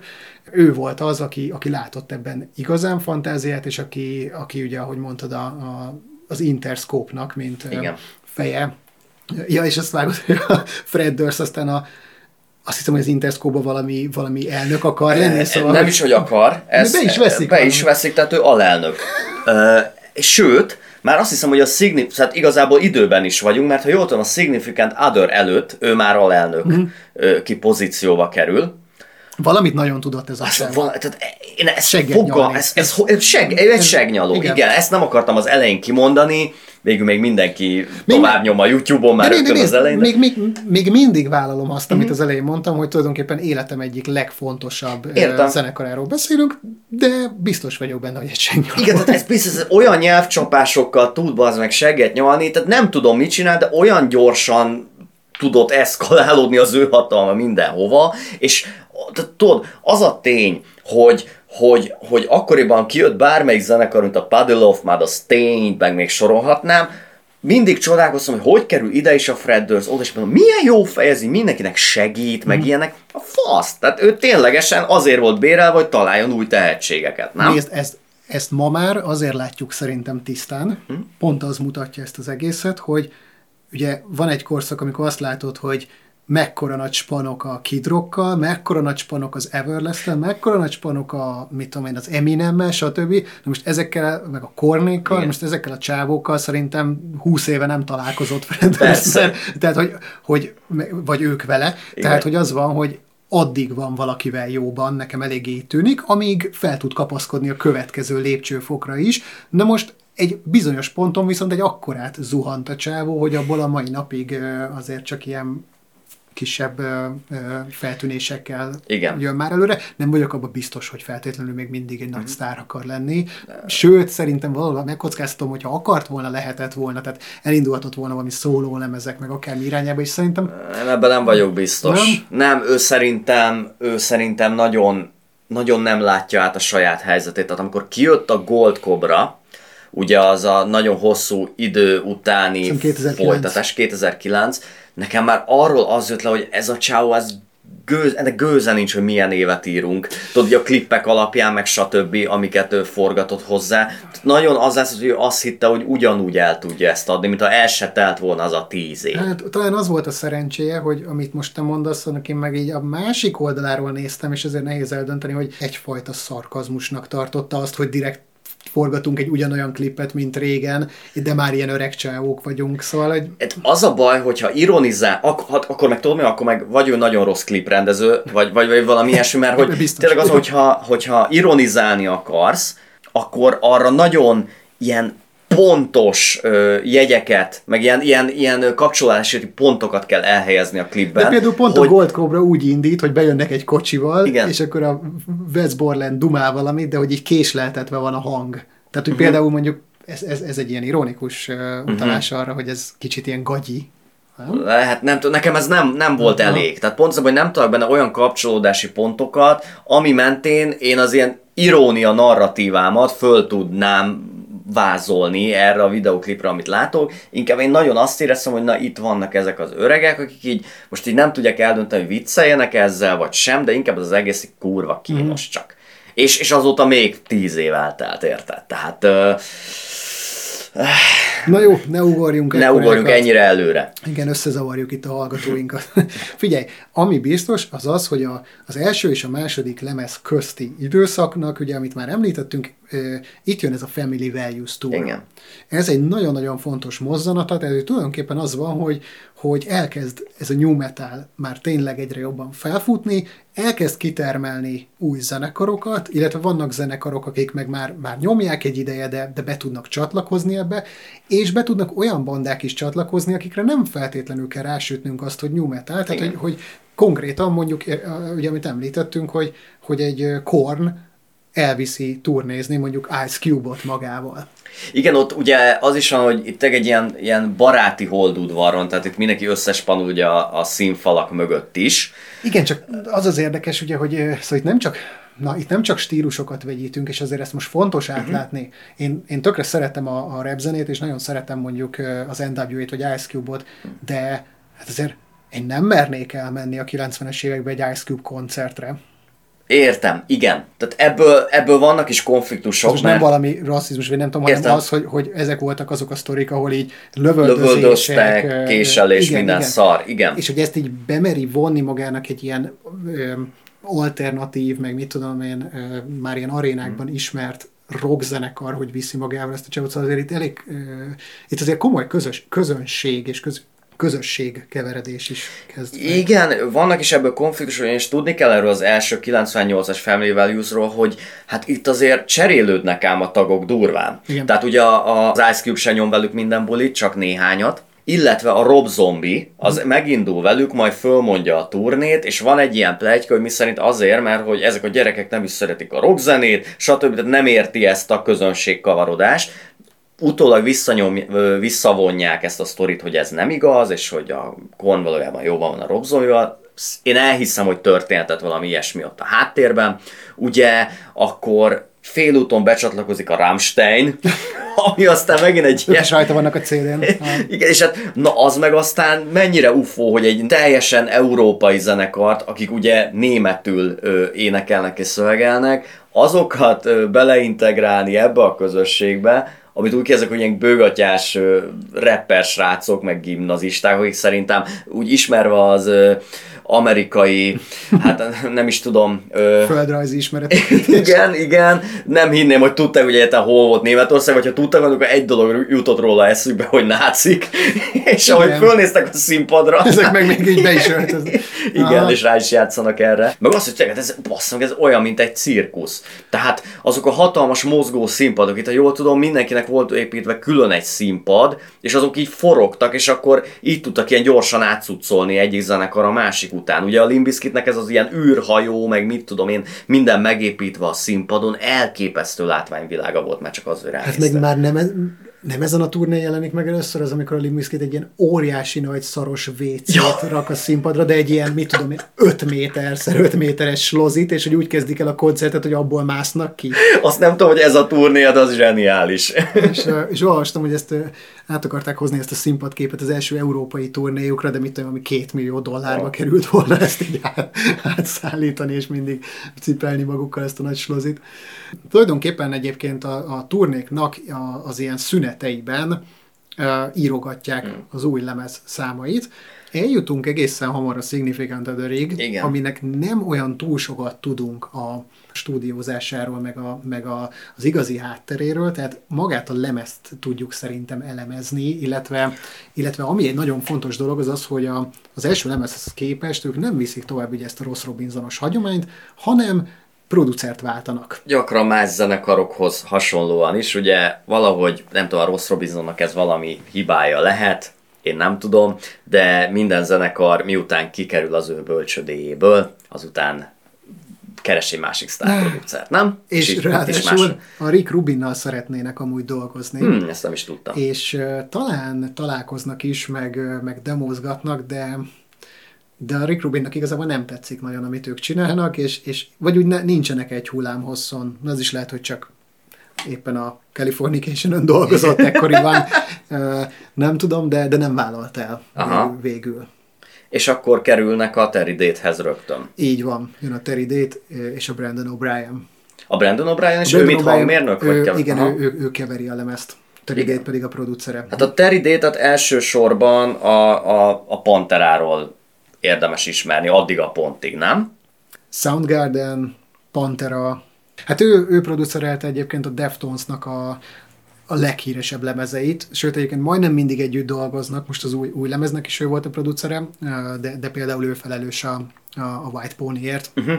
Meg elvileg a másik, ami szerintem egy nagyon fontos momentum, hogy megint csak sok zenekarhoz hasonlóan stúdiót is váltanak. Ugye az első az Indigo rendsen készül, amit már többször megemlítettünk, aminek ugye van egy ilyen nagyon nyers hangzása mindig, ez egy full analóg ö, ö, stúdió, azóta már sajnos ugye leégett, és ez, ez van ott Malibuban, ott a, ott a hegyekben, és helyette beköltöznek Hollywood az NRG Recordshoz, ami szerintem a világ egyik legjobb stúdiója, uh-huh. tehát itt készül a, itt készül a Linkin Park a Hybrid Theory majd a későbbiekben, de itt készül a Kontól a Fall of the Leader is, tehát ez ekkoriban szerintem egy annyira letisztult, gyönyörű, egyszerre érzed benne az analóg hangzásokat, de egyszerre már elővetíti azt a 2000-es éveknek az új digitális hangzását, tehát ilyen fantasztikus eszenciája a hangnak ez a hely.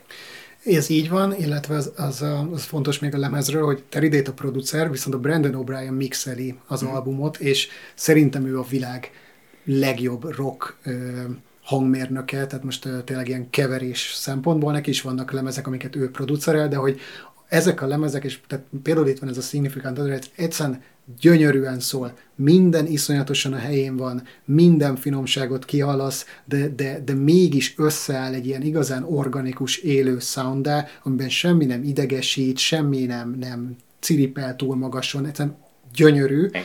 Ő, ő felel Pearl Jam lemezekért, ő, ő, ő nagyon rock rock kategória, tehát nem annyira, nem annyira ilyen kemény metal, és szerintem ez érződni fog ezen a lemezen is, hogy, hogy nem csak a nyersességet veszítik egy kicsit el, hanem bár a zenekar egyébként azt mondja, hogy, hogy a producer az, az inkább csak úgy segítette a munkájukat, de nem szólt igazán bele, és, és kézdalokkal érkeztek a stúdióba. Azért az is egy nagyon nagy előrelépés, ami aztán furcsa mód szerintem annyira nincs is tovább víve már a, a Chocolate Starfishre, hogy ez a lemez tele van ilyen, um, ilyen sokkal klasszikusabb rock rock momentumokkal. Igen. Tehát, hogy gondolok itt mondjuk a Don't Go Wanderingre, vagy a, vagy a No Sexra. Ők itt szerintem ténylegesen robbantani akartak, és megérezték a potenciált magukba, ha már akkor átült a fét, hogy akkor most egy picit menjünk ö, a slágerlisták irányába, illetve, hogy a klasszikusabb rock rajongókhoz is szó, tudjunk érdemben szólni. Ez biztos, hogy benne volt a Significant Other-nek a koncepciójában. Meg két dolgot le akartak küzdeni, két dolgot, ami folyamatosan megjelent ugye a, a sajtóban. Az egyik az az, hogy ez egy korn utánzó zenekar, a másik meg az, hogy ez egy feldolgozás zenekar a fét miatt. Igen. Tehát ők, ők mindenféleképpen arra akartak elindulni, és szerintem ezért is volt valószínűleg a producerváltás is, hogy szóljunk másképp, mint a korn, és muszáj volt nekik egy vagy több olyan saját számot kitermelni, Igen. amiből aztán sláger lesz.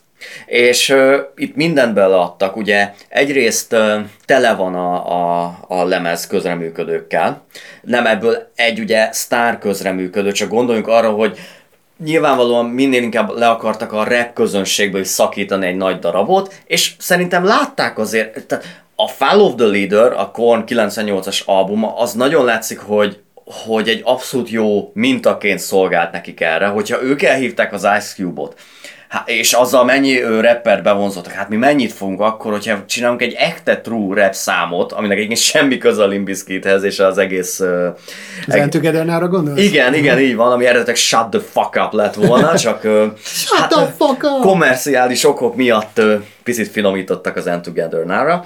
Na igen, szóval be, be, beszippantják a, a Method Man-t a, a Wu-Tang Clanból, így van, aki egyébként aztán a következő Family Values Touron Már Method, Method Man és Redman képviseli a hip-hop vonalat. vonalat igen. igen, és ez szerintem egyfajta ilyen létérvényesítés a hip-hop szénában, ami nagyon zárt, jó, mi vagyunk a kon, ilyen fehér gyerekek vagyunk, meg metát nyomunk, de ha velünk nyomja az Ice Cube, akkor, akkor, akkor mi trúk vagyunk. És uh-huh. szerintem ugyanaz játszódik le itt is egy picit. Sőt, talán nekik még erősebben kell, mert is sokkal erő, erősebb a rap vonal. Igen, ugye ebbe az Entogether a DJ Premier uh-huh. is behúzzák, aki, aki az alapot készíti, és a Method ment, és konkrétan ezzel egy tényleg egy egy hip-hop számot csinálnak, amiből ráadásul még klip is készül, arról majd beszélünk. De hogy ahogy mondod, megjelenik ebben is, illetve tudod, vannak ilyen kis dalok közt ilyen összekötők. A DJ Little is nagyobb szerepet kap, mm. tehát, tehát jönnek ilyen kis samplingezett hip-hop minták. Tehát, igen, igen, tehát aktívan közreműködik. Tehát az első lemezhez képest azért sokkal markásabban jelenik ő meg. Igen.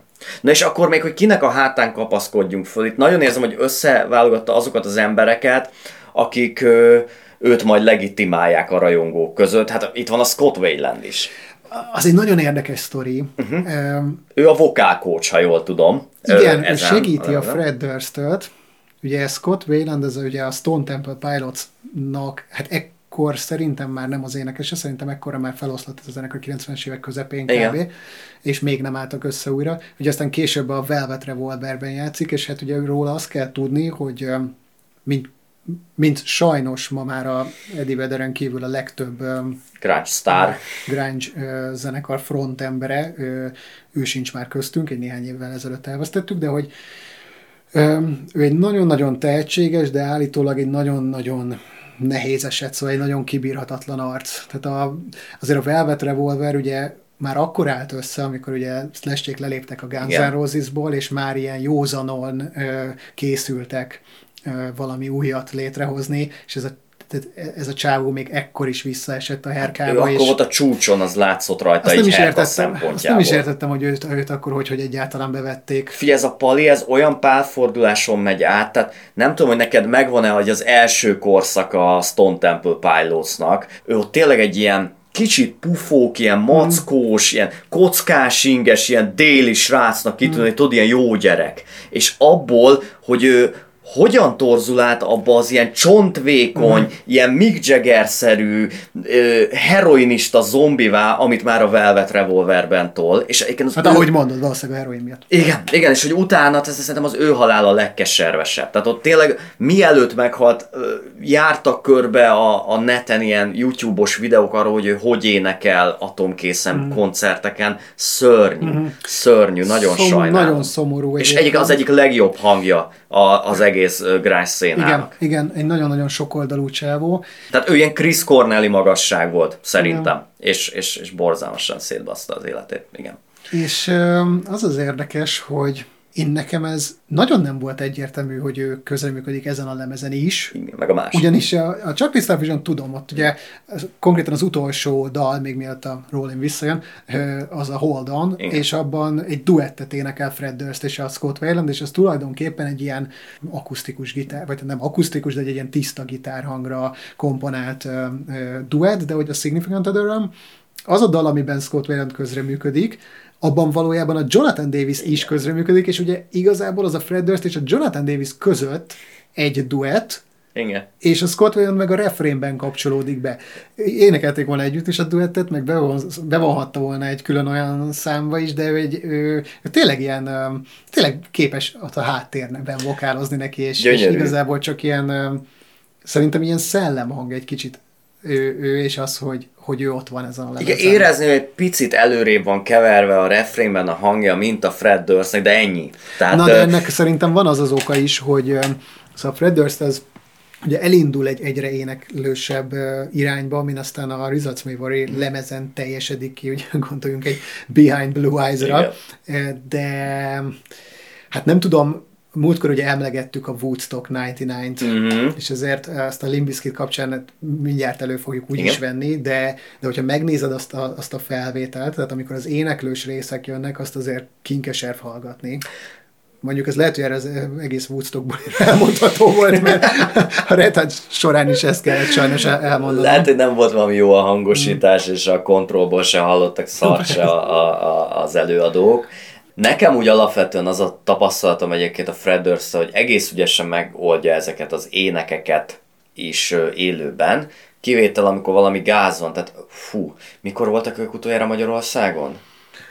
Szigeten voltak, ugye? Mm, nem, szerintem a legutóbb egyébként, most az az egyetlen koncertjük, ami nem voltam ott, az azt hiszem az EFOT-on volt egy két-három éve. Nem tudom, hogy EFOT vagy Sziget videó Aha. van kint. Aha. Ö, nem tudom, te láttad, az, na, de az ott mi az, ketamin? Vagy, vagy mi, min van az a csávó? Tehát, hogy konkrétan, tehát mi, mi az a cucc, ami úgy szedál le, hogy te egy maga alá szart nagypapa legyél, aki egy ilyen kibaszott, zúzós metálszámla így, így állít, tartja a mikrofon, így begörnyet lábakkal, és így néz a sem, tehát látom, hogy a semmiben néz, vagy három percen keresztül, és így mormog valamit a, a, a száj alatt, tehát hogy nem tudom, engem évek óta felbasz a Limbiskit az élő megjelenésével, mert, mert az van, hogy eleve ilyen iszonyatosan rövid műsorokat nyomnak, mm. mit tudom én, másfél órás koncert, meg e- egy óra, tíz perces koncert. Fele feldolgozás. Fele feldolgozásban az meg a, izé, a Smells Like Teen Spirit, meg a Killing in the Name of, érted? Tehát nem tudom, hogy jut eszükbe, miközben annyi számuk van, amit szívesen hallanék, és, a, és lejátszák a slágereiket. Rolling, Take a Look Around, nem tudom. Tehát, hogy,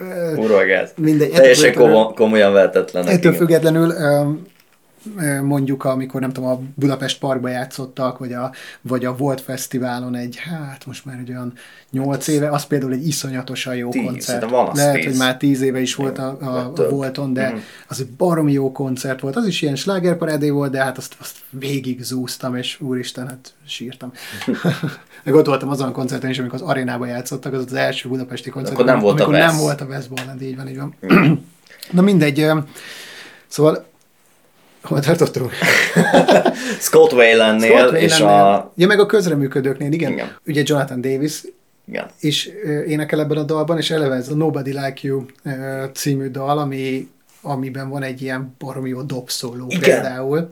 Tehát az, hogy uh, hogyan lehet egy nem tudom 25 másodperc, 20 másodperc alatt egy olyat dobolni, hogy ki se tűnjön annyira. Isteni. Viszont olyan technika legyen a háttérben, hogy azt mindenki meg, megnyalja a tíz ujját minden, minden dobos, akkor azt így kell csinálni. Ö, még annyit szerintem ez erről a dalról, hogy azért baromira vicces, hogy ugye itt megint csak a Fall of the Leader mintájára van, ahol ugye a Fred Durst volt meghívva featuringelni, és az is marha vicces, hogy akkor ez a jobb dal. Tehát, hogy, hogy az a dal... Az, hát az egy ilyen poén. Ilyen. Igen, és ugye amikor a Korn ezt ugye 20 év után eljátszotta, akkor ezt a dalt lehagyták. Egyrészt a Fred Durst-öt se hívták meg, mert a John Lennon mondta, hogy soha többet nem szeretné látni azt a palit. Azt hiszem azóta meg kibékültek. Uh, jó. a déli zászlós tetkója miatt. Igen. Hát figyelj, hogyha a segeden viseled valakinek a munkáját, akkor ez mégiscsak egy ilyen örök kapcsolat. Seggén, ja. Igen. Na mindegy, de hogy, hogy tényleg az egy ilyen ciki, ciki dal, amit így nem hajlandók játszani, és azt mondják, hogy atomkészen voltak, és, és, és ez egy fasság. Hát ugye az egy ilyen bífelés, bífelés ugye egy számon belül. Szerintem vannak benne nagyon vicces sorok, meg azért így jó szétszóba egyegemes, de hát egyébként így iszonyatosan szexista, homofób. Tehát, igen, igen, minden, minden van benne, benne van, ami, ami, ami ma már amúgy nem vicces. Igen, viszont ez a, ez a Nobody Like You, ez egy, ez egy nagyon uh-huh. komolyan vehető, kurva jó szám, pláne, ami egyébként még a újdonság, ami megjelenik ezen a lemezen, ezek a keleties dallamok a háttérben nagyon sokszor. Azt vágod, hogy a, a Don't Go Wandering című Igen. szám, ami egy picit hasonló státuszú, mint mondjuk mm. ez, és egyébként ilyen, um, szerintem azok csak samplingek, nem, nem vagyok biztos benne, hogy, uh, hogy Vide- Videó rajta van, hogy egy konkrét Aha. vonós hadsereg oh. ott van a stúdióban. Vonósok vannak. És, és ugye azzal is indít, hogy, hogy így pirickáznak igen, igen, a hangszeren igen. ezek. Igen, csak nekem volt egy olyan gondolatom, hogy lehet, hogy ezt a Little uh, mintázta valahonnan, és mégis akkor is poén lenne szerintem, hogyha Akkor is poén lenne. És uh, komoly zenei uh, zenekarnak a hangolását mintázná, tehát, hogy, de, de igazad van. De hogy abban a számban pedig így a keleties mhm. mintára jut eszembe, hogy van egy olyan verzió, ez a Youtube-on érhető el, hogy meghívta a Search Tankiant. Igen, ezt én soha végül nem került rá a hangja. Nincs rajta a lemezen, viszont kikerült ez a dal, és ott egyébként abban a középrészbe, ami a, a Limbiskitre egyébként nagyon jellemző, hogy hogy még a legkeményebb számaikba is tesznek egy ilyen C részt, amikor tudod, van egy ilyen kicsit így, így lehalkulunk, Igen. és, és tudod, olyankor van koncerten az, hogy googoljatok le, na én attól meghalok, utálom, ezt, ezt bármilyen koncerten elsütik, én akkor állok. Ez valaha még Egy... poén volt, de most már minden második magyar zenekar is elsüt, és rohadt Figyelj, amikor a Slipknotnak voltunk a Sportszigetes koncertjén, ott, ott nyilván ezt úgy kezeltem, mint, mint Atya Úristen, legugolunk egyszer, és felugrunk, és ez lesz a világ legnagyobb történése. De amikor már tényleg a, a magyar zenekarok sütik ezt el, és csak így innád a sörödet, és, és várod, hogy vége legyen a koncertnek, akkor ne, ne kelljen legugolnom, és ne dobáljatok meg azért, mert nem googolok le, és öreg vagyok, és a térdem is fáj.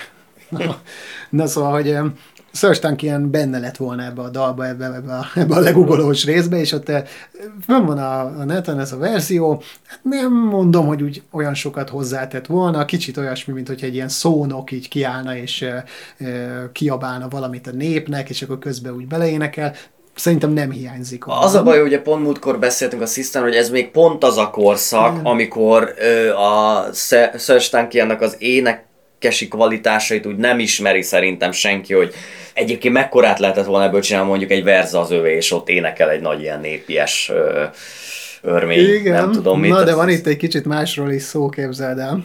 Ugyanis az, az van, hogy a, ebben az időben, tehát ők összehaverkodnak a System Mhm. of a Down-nal, meg mit tudom én, talán játszanak is együtt, lehet, hogy csak valami fesztiválon, de ugye amit említettünk, hogy Fred Durst azért szeret jóba lenni emberekkel, amíg az valami érdekét képviseli, és itt, itt meg az volt a sztori, hogy ugye hát ő ekkor már híres filmrendező, és menedzser, és producer, és minden, és nem tudnám megmondani, hogy melyik az a zenekar, mert nem egy ilyen, hát nem, nem egy híres zenekar, de hogy az lényeg, hogy a, a System of a Down-nak a menedzsere elkezdett menedzselni egy új feltörekvő zenekart, akiket a Fred Durst akart menedzselni. Aha. És, és így harcoltak érte, és végül a system menedzserét választották.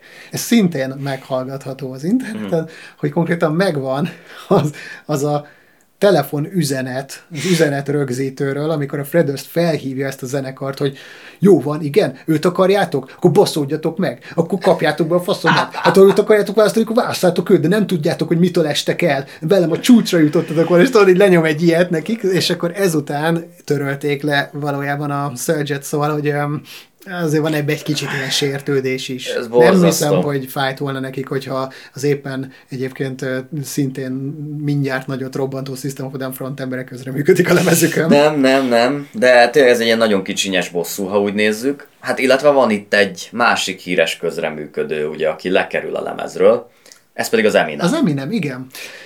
Ez egy érdekes sztori. Hát egy érdekes sztori, amit annyira nem is lehet kideríteni, hogy mi adja az alapot. Ugye a lényege az, hogy az Everlast és, a, és az Eminem az összebalhéznak egy koncerten. Hogy itt ki szól előre mit, azt, azt én nem értem egyik cikk alapján sem, vagy hogy mi volt a sértődés oka, de hogy Eminem alapvetően egy olyan rap betétet ír erre a lemezre, amiben szétoldja az Everlastet, és végül az a magyarázat, hogy, a, hogy, hogy végül a DJ Little mondta azt, hogy ő hát mégiscsak az Everlast ugye korábban zenésztársa volt a House of Pain-ben, és hogy ő ezzel nem ért egyet, aztán összerúgják a port, és le, de ez is azt hiszem meghallgatható neten ez a, ez a dal. Igen, igen, ez a Turn Me Loose. Öm, De gondolod, hogy Fred Durst emiatt nem tette volna rá Eminemet a lemezére? Hát nem tudom, hogy Eminemről látható volt-e már ekkor, hogy mekkorát fog menni. Mert hogy szerint nem tudom, hogy mikor jelenik meg a Slim Shady LP, mert ugyanebben az évben. Slim Shady EP az korábban, az szerintem 97 körül. Ó, nem, nem, biztosan. 98 a legkorábbi, ami Most az lehet. első lemezéről beszélsz. Igen, igen, igen. igen, igen, igen de, De- az de nagyobbat ugye ő is utána Még az is van. biztos, hogy a, a, a Korn ugye a God the Life-ot 98-ba hozza ki, és abban ő még egy ismeretlen statiszta. Uh-huh. Nem tudom, milyen gyorsan történik ö, a felfutása a Slim Shady LP-nek, vagy LP-nek, de, de nem, nem, nem, nem vagyok benne biztos, hogy itt húzónév lett volna még az Eminem. Azt hiszem, igen, tehát 2000-ben jelenik meg a, a Marshall Mathers uh-huh. tehát az tény, hogy akkor sokkal nagyobbat robbant. Hát akkor azt mondom. Ö, viszont, most az jut eszembe, hogy a Break Stuff klipjében viszont benne van, nem? Na igen, és Aha. A másik vicces, hogy viszont Ja. a második lemezre készült Real Slim Shady klipben pedig a Fred Durst van benne. persze. Szóval, hogyha ezek ennyire összerúgták a port, meg utána nem is tudom, cikizték egymást többször, akkor ezek mégis hogy működnek közre a további De nem ők rúgták össze a port, hanem az Everlast az Eminem. Hát, De utána azt is olvastam, hogy ez miatt nem tudom, volt köztük valami cica harc, de ez is olyan, hogy elveszünk a, a rock pletykáknak a tengerében, és nem tudjuk, hogy mi az igazság. meg azért így tényleg azt lehet mondani, hogy 2000-ben uh, most, tehát most a legfontosabb karakterekről beszélgetünk, akik, akik uh, nem csak úgy a zenei életben, hogy mint zenészek, meg frontemberek, meg előadók, hanem ugye ténylegesen már kiadóknál, mint alelnökök ti- ti- ti- titulust harcolnak ki maguknak, szóval azért ma azt is egy picit nehéz már így elképzelni, hogyha azt nézzük, hogy mondjuk Eminem hol van ma, meg Fred Durst hol van ma, hogy ezek valaha egy lapon voltak említhetők. Igen, igen. És hogy az egyik még hajlandó lett volna közreműködni a másiknek a lemezé, mert az neki még egy ilyen fölkapaszkodási pont lehetett volna. Hát nagyon érdekes. A, a, az eredeti leg előadott sztori az egyébként az volt, hogy igazából még csak tehát ők, ők igazából csak akartak egy hip-hop számot uh-huh. a lemezre, és ugye ott volt a Method man az Together-nál, és ezt erősebbnek érezték. És hogyha meghallgatod egymás mellett, az az Eminem készített Terminus, az tényleg nem egy olyan nagy szám. Uh-huh. Tehát egy olyan, lehet, uh-huh. hogy egy picit benne volt az is, hogy oké, okay, csináltak közösen egy számot, de valójában nem lett olyan nagy szám, és uh-huh. most emiatt nem fognak még hetekig ülni a stúdióba, és nem tudom, ghost uh-huh. producereket meghívni, hogy ez legyen a leg, legjobb, legjobb featuringes számunk. Igaz, lehet, hogy ez is benne van. Tudod, ki hiányzik a lemezről? Kid Rock. ő, ő volt még akkor egy ilyen éppen nagyon felfutó csávó. Jó, és szerintem ez a, az a baj, hogy akkor szerintem már az ilyen élvonalasok azért már akkor is érezték, hogy ez full gáz. Igen. Tehát, hogy odáig nem tudod föl, fölkapaszkodni, hogy, hogy ez a réteg szóba álljon velük. Um, hajszálon múlott, meg turnéztek együtt egyébként Limbiskit, uh-huh. Eminem Kid Rock. Uh-huh. Hajszálon múlt, szerintem ő egy bizonyos ponton inkább azt választotta, hogy jó neki, jó neki az, hogyha inkább egy kicsit haladozgat a country felé. Jó neki a vidék, jó neki a dél, úgyis azt szereti. Az, persze. Igen. És hát ugye még itt van egy fontos közreműködő, akinek alig hallani a hangját, ugye a Stain. Louise. Így, Így van, van, pontosan, Stain énekese. Az egyik amúgy legjobb számba szerintem, ez a No Sex. Uh-huh. Ugye? Annak a Bridge, vagy hogy hívják ez, Bridge részében. Igen, egy ilyen C részben hallani őt, ahogy halkan, uh-huh. de azért felismerhetően ö, megjelenik az ő kicsit ilyen mély, grángyos uh-huh. hangja. Ő egy kicsit azért ilyen Lane Staley és, és Eddie Veddernek egy, egyfajta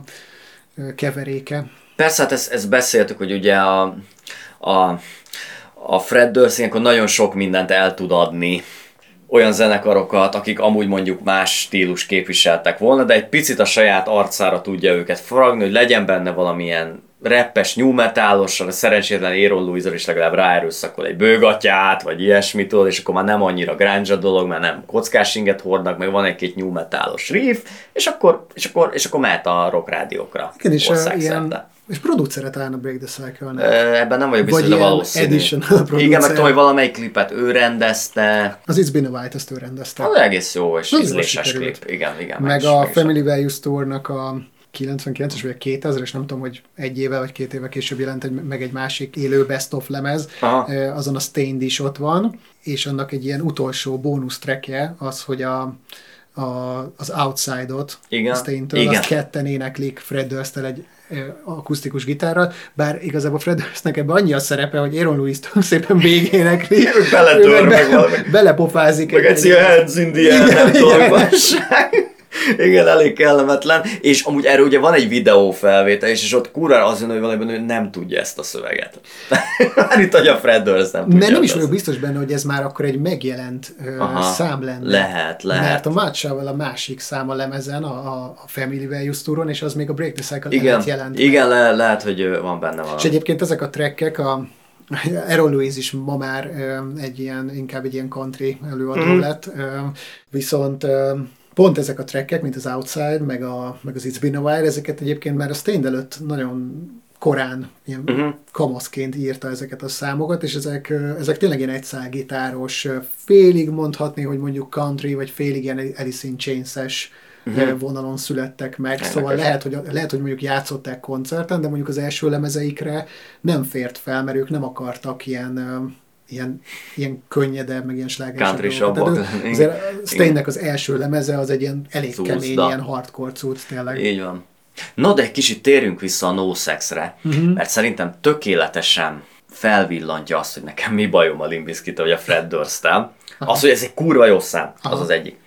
Uh, hogy is mondjam. Amikor kijött a Limbiskit annó, akkor én ne, nem tudtam még angolul egyáltalán, német faktos voltam, néhány szón kívül, kívül nem ismertem de ezt a nyelvet. És a nót is. is. Nem, de pont az volt a hogy mindig nyilván kíváncsi voltam, hogy, hogy ezek az előadók azért miről szövegelnek, meg mhm. énekelnek. És emlékszem, hogy először fordításban, természetesen megint Bravo magazinról beszélek, mivel csak ott tudtam ö, informálódni és művelődni ilyen ügyekben.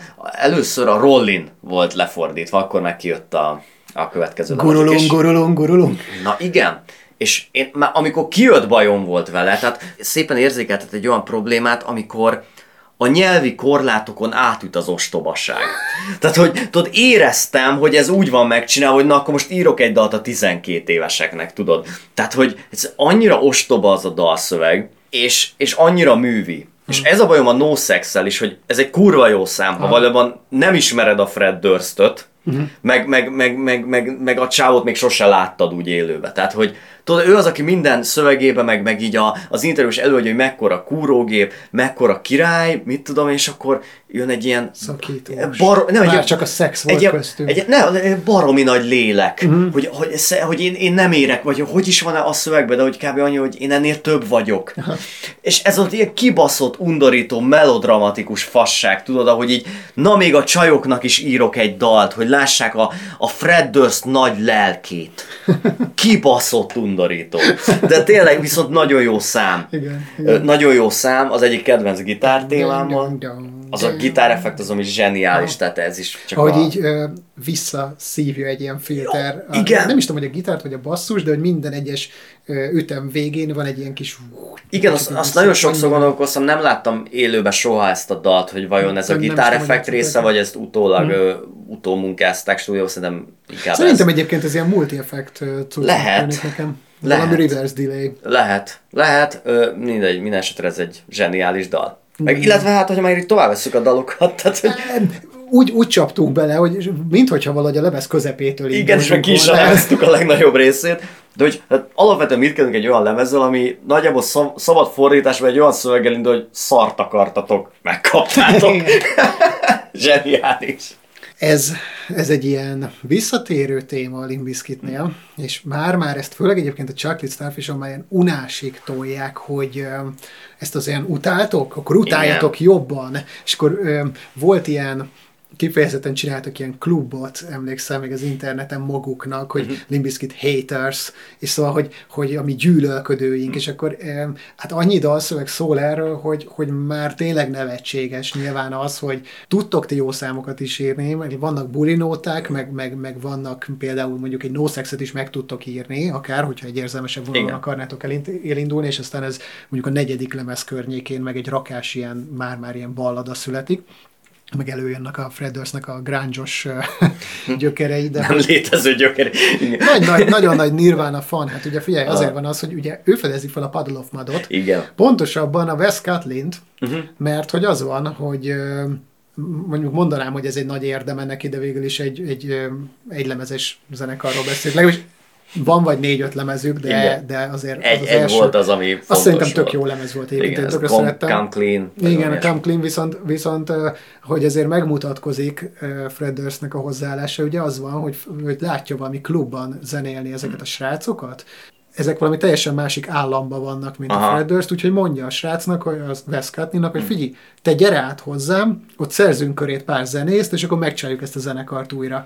És akkor elhívja, és eljön a stúdiójába, oda szervez három session zenészt, és úgy csinálják meg a lemezt. Tehát a srác ott hagyja a, a szülőhelyét, és Aha. ott hagyja a zenésztársait. Durva. Úgyhogy, és csinálnak végül is egy, egy akkor tök sikeres egy lemez. Nagyon egy sikeres nagyon lemez, és szerintem a ilyen... She Fucking Hates Me a mai napig, meg a Blurry, az Blurry szerintem meg a rádiókban is szól a mai Drift napig. and figyelj, az az egész szerintem egy baromira, baromira jó lemez, egy ilyen uh, post-grunge, ezt lehet utálni, hmm. mert értem, hogy, hogy ez a Nirvana full kebbe. Um, Ettől függetlenül szerintem az egy remek lemez, remek zeneszerzői vagy dalszerzői készségek mutatkoznak. Szerintem a, a, a Fred Durstnek a, a produceri és menedzseri kvalitásai az megkérdőjelezhetetlenek.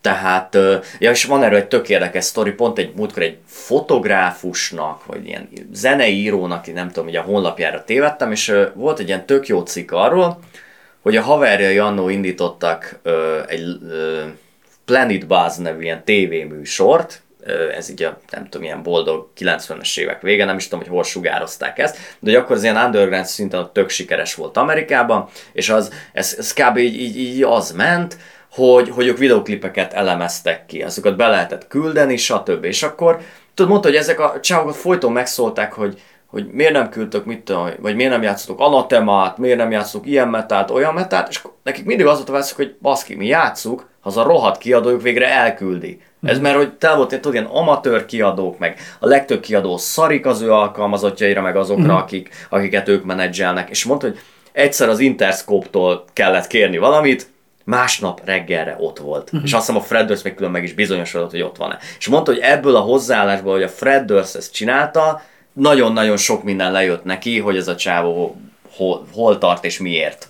Tehát saját magát is nagyon precízen fel tudta küldeni csillagokat és csillagokba, és bárki, akit maga mellé vett, azt nagyon hamar befuttatott ebben az időben. Azt tudod, hogy még a Britney Spearsnek is írt számot? Hú, nem. Tehát, hogy ilyenre fel lett kérve, és van egy Akkor, amikor majd az Van egy... Upside Did It Again lemezről beszélünk, akkor ő is szóba kerül. Jó, igen. A taxik szerintem. Um, és van egy videó a, a, a Youtube-on, én nem tudom, hogy ez kamu-e, vagy, vagy mint hogy ezt így, olyan, olyan, mint hogyha bődület rossz színészek játszanak, ah. pedig Fred Durst játsza, és nyilván egy bődület jó színész. Az a lényeg, hogy készül az új lemezük, ez már a Chuck is utáni uh, időszak, de Fred Durst teljes... Ja hát, ja, hát tényleg, bocsánat, Imikem igazad van, te megfejtetted az egész Limbiskitnek az útját, tehát mindig Fred Durst uh, csalódásai a nőkben. Uh-huh. Na és hát itt van az ő nagy csalódás a Britney Spearsben, akivel ilyen fülig szerelmes, és a Britney Spears le se szarja őt. és van egy ilyen videó arról, de nem tudom hány, 10 percen keresztül, hogy ott vannak a stúdióban, és ő állandóan próbál telefonálni, hívja a Britney-t, Britney nem veszi föl, mert ilyen hóciki az egész, és ezt közben valaki veszi föl. Na jó.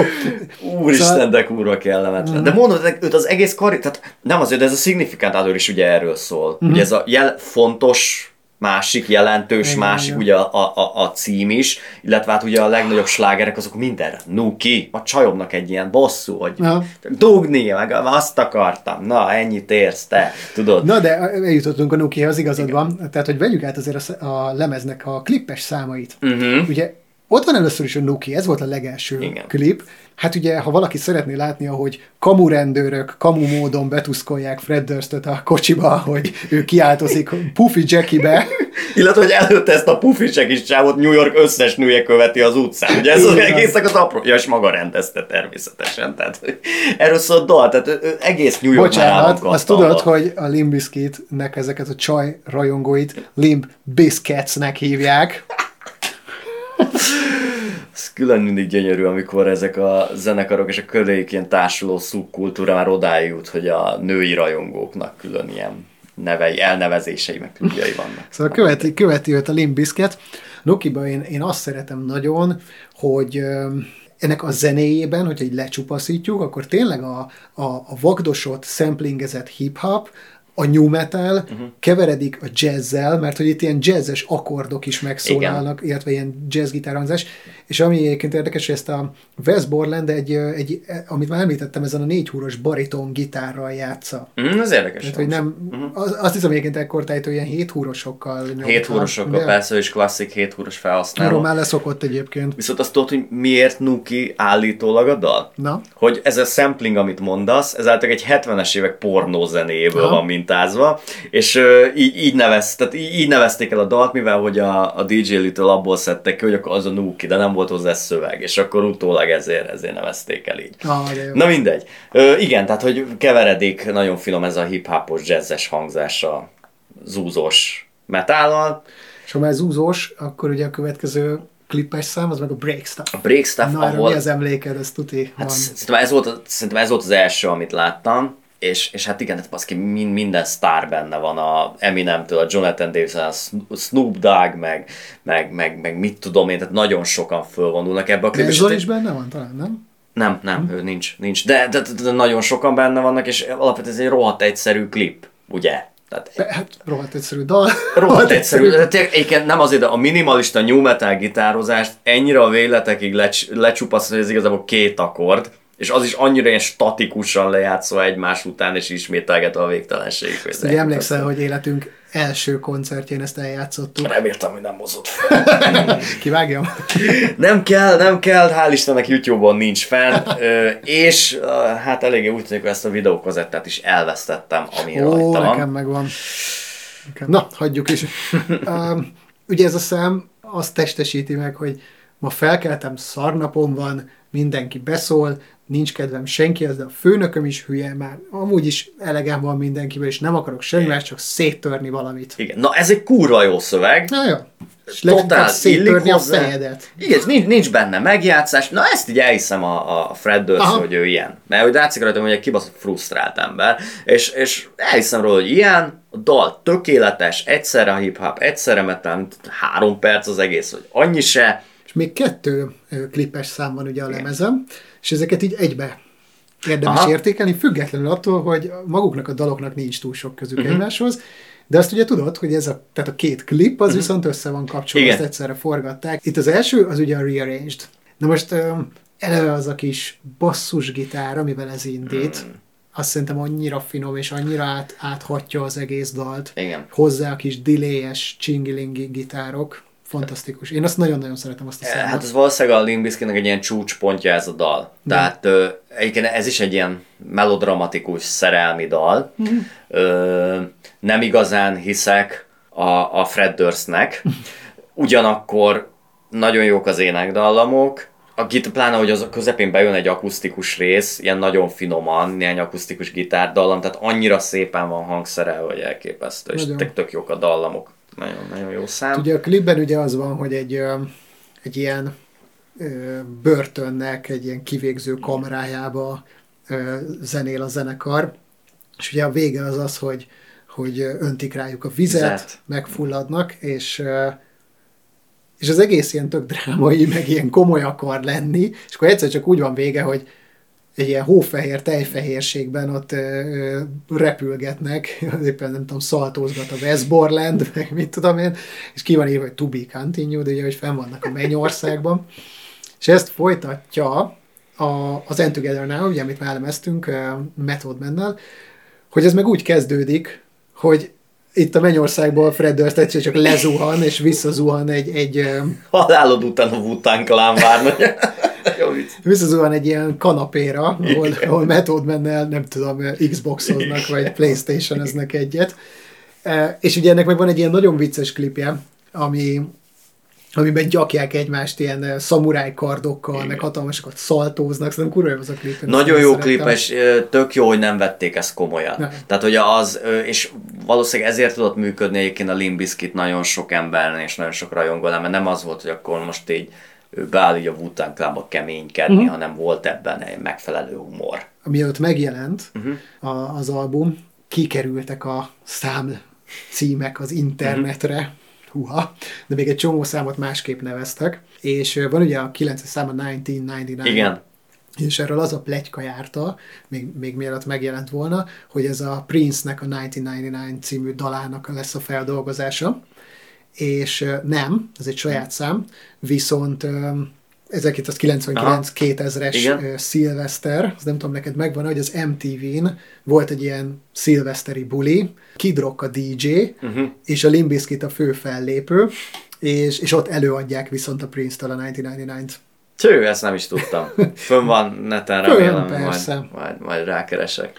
Egyébként aki még, hát nem is tudom, ezt közreműködőnek nevezzük el, aki van így a lemezen közreműködő, az a, az utolsó hát nem számban, ilyen levezető már így az outro után. Ja, nem a Primusból. Primusról Les, a Les Claypool, Les Claypool beszél. Igen. Akit szinte vicces, hogy ő is, ő is benne volt, mondjuk Primus is benne volt a Family Values Tourban. Uh-huh. Én nagyon szeretem a Primus-t, nem tudom elképzelni, hogy hogy vették rá Les Claypool erre az egészre, meg ő ezt az egész, azt a korszakot, ami ennek uh-huh. a new metal, ő azt, ő azt ahogy van letagadja és kiadja olyan szinten, hogy szerintem az Antipop az a legjobb Primus lemez, imádom, és az az a lemez, amiről azóta egyetlen egy számot nem játszanak kb. koncerten.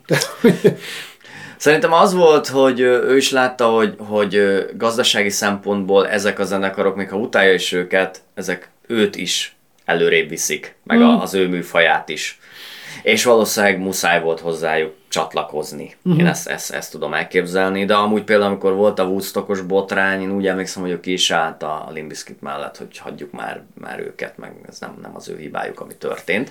És igazából valahol át is térhetünk arra, hogy mi Igen. történik ez, ennek a lemeznek a hatására, ugye, hatalmas siker. Azt ugye jó tudni, hogy, és egyébként nagyon érdekes tény, hogy a Significant Other és a Chuck Starfish között hmm. azt gondolnád, hogy azért eltelt egy hosszabb idő, de Igen. mindazzal együtt, hogy a csúcson vannak és turnéznak, uh-huh. egy, év, egy éven belül kijön a Chuck Starfish. Uh-huh.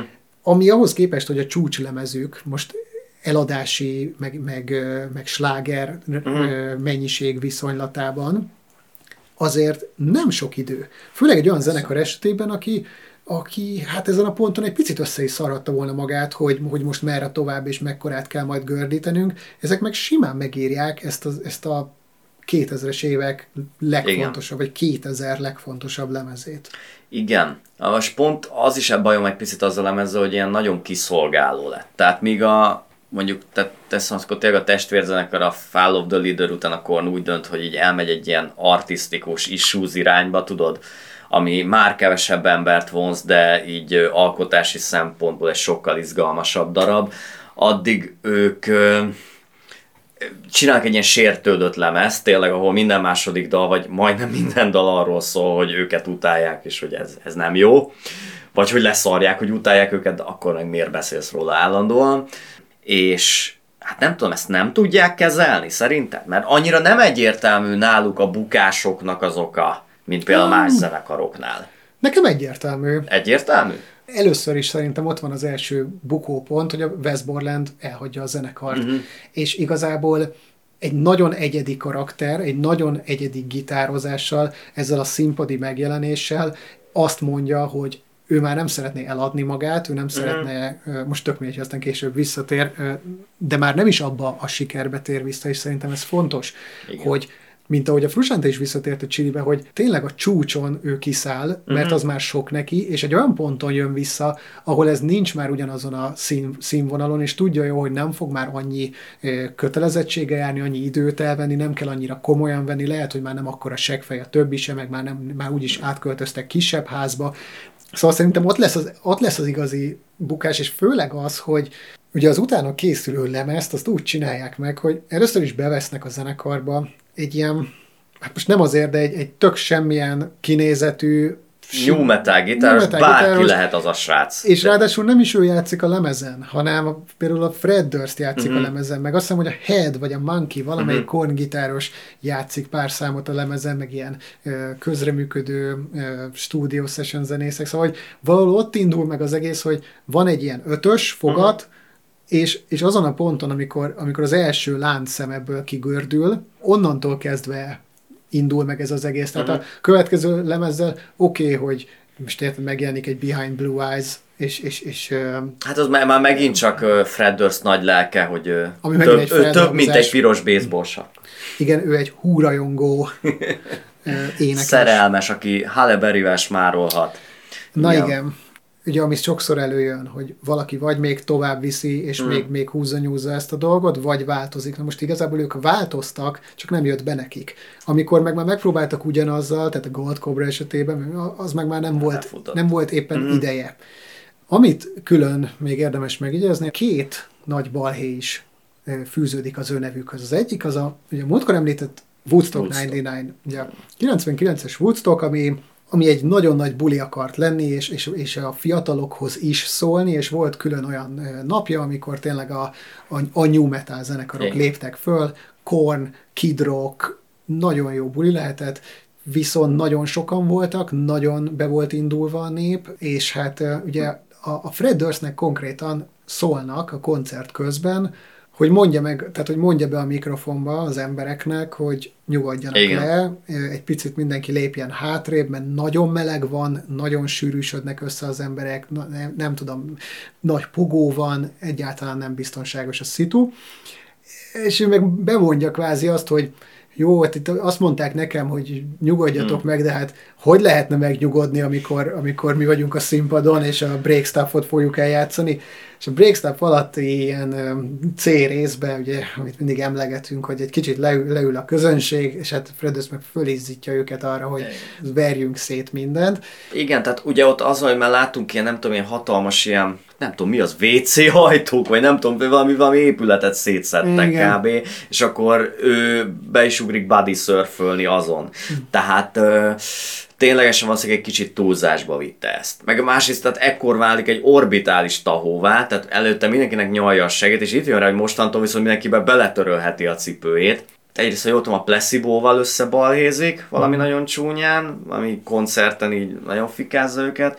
Ugye a Slipknotot itt nevezi ilyen, hogy a csúnya pattanásos kisfiúk zenekarának. Ami... Mint akik a baszkok mögött vannak, vagy a közönséget? A közönséget, ah. hogy az csak a csúnya pattanásos kisfiúk szeretik. Na most 20 év távlatából, pláne hogy a Slipknot hol tart jelenleg, ez egy baromira szánalmas mondat volt. Corey Taylorral van egy videó, amikor szokott tartani ilyen ilyen beszélgetős esteket, mm. amikor a közönség kérdez tőle, Igen. és ő egy tök jó fejfasz, nagyon, én nagyon bírom őt. Ugye Slipknot énekeséről beszélünk, Corey, Corey Taylor, és felteszik neki azt a kérdést a közönségből, hogy a, hát ugye Fred Durstről mondjon valamit. És úgy gondolkodik, és akkor annyit mond, hogy Fred Durst is a person. és így ennyi, ennyit tud elmondani róla, nem szeretne többet e, nyilatkozni Fred Durstről, viszont még azért annyit hozzátesz, hogy az egy nagyon kellemetlen szitu, hogy a Fred Durstnek a gyerekei, Igen. Vagy egy, talán Aha. egy fia, nem tudom, hogy ő nagy Slipknot rajongó, és hogy volt egy ilyen, hogy ugye Fred Durst, hát a rockstar apuka, nyilván mindent elintéz, és hát a gyerek megkérte, ja. megkérte a gyerek, hogy hát, hogy biztos jóban van a, itt mindenkivel, vigye be őt a Slipknothoz. És van egy, képzeld azt a kellemet jelenetet, Fred ezt mindent megtenne a gyerekéért, Cory Taylor nem akar igazából segfej lenni, mert ő ezt már azért Persze. évek óta szeretné képviselni, hogy ő egy ilyen nagyon jó, jó csávó és akkor érted, bemegy az öltözőbe Fred Durst a gyerekével, és mondja neki, hogy hm, ugye, lehetne, hogy ugye, egy közös fotót, vagy valamit, és megcsinálták a közös fotót. Istenem, amikor a, a nagy gigászok, mint apukák találkoznak Igen. mindent a fiúkért, hát ez csodálatos. És a másik balhé az meg ugye az, hogy, hogy a zenekar felép Ausztráliában, a, a Big Day Fesztiválon. Ez, egy, ez a legcsúnyább eset, igen. Igen, ez, ez, ez tényleg szomorú, bár egyébként szokott ilyen történni a világban, Persze. és ez mondjuk nem a zenekar hibája. Nem, nem, ez egyáltalán Eleve egy ilyen ausztrál nyár, az Igen. iszonyatos hőség, van egy fesztivál, ahol ott van nem tudom, 50 ezer ember egymásnak nyomulva, és hát szóval elől akkora akkor a tumultus alakult ki, hogy ott egy talán 15 éves, vagy nem tudom, egészen fiatal, fiatal 17 éves, nem tudom, egy nagyon fiatal lány életét veszti. Igen. Amiért megint egy picit őket okolják, nyilván ebben nem volt semmi felbújtás, és, és, és, és nem lehet ezen a ponton elmondani egy, egyfelől azt, hogy ez a zenekar hibája lenne.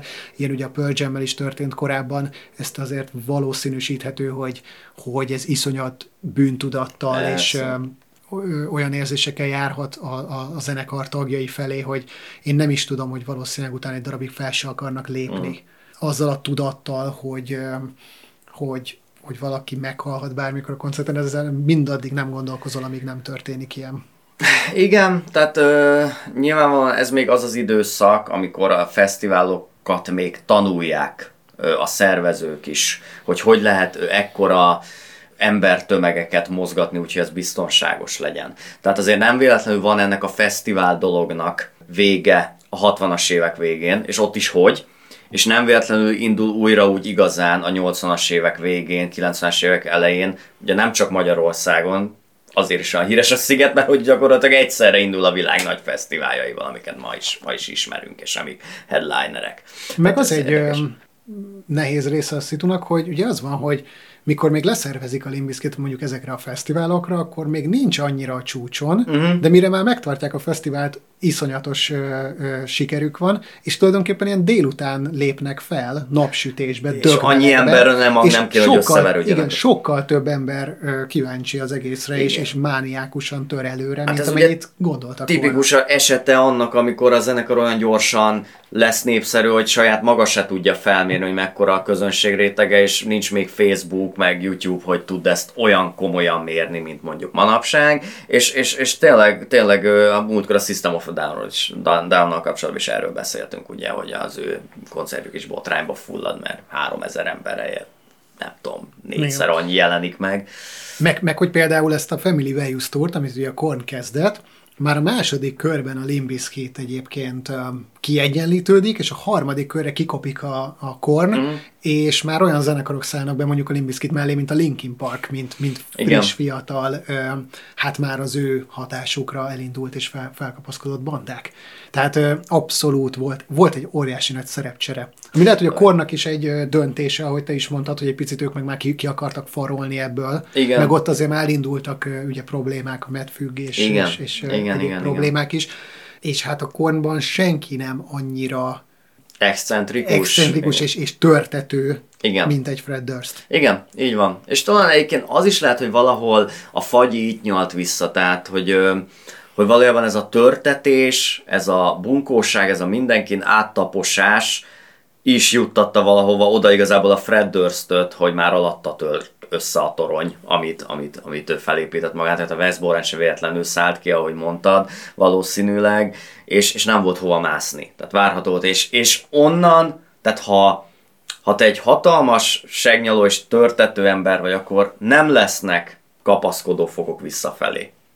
Mert ugye amúgy van. Hmm. Tehát ha szépen építed a karriered, akkor ha egy picit megcsúszol a, a lépcsőn, mindig van, aki visszasegít vagy megtart. Igen. Hát egy Fred Durst esetében biztos, hogy nem volt ilyen. Hát igen, főleg, ha nem égetsz fel minden hidat Igen, magad van, mögött. igen. Igen. igen. Igen. Ezt egyébként a Kornos rész kapcsán visszakaptam többektől, Mhm. hogy baromi jó ez a podcast, de azért az a Kornos névválasztó sztori az már egy kicsit durva volt. Úgyhogy a, a Limbiskitet az mindenki googlizza meg szépen magának, hogy Ausztráliában, a kollégiumban a fiatal srácok mit játszanak azzal a bizonyos sütivel, amiből aztán puha süti lesz. Nagyon-nagyon köszönjük szépen, hogy itt voltatok velünk. Ez volt a felütés. Sziasztok! Hallgassatok minket a Spotify-on.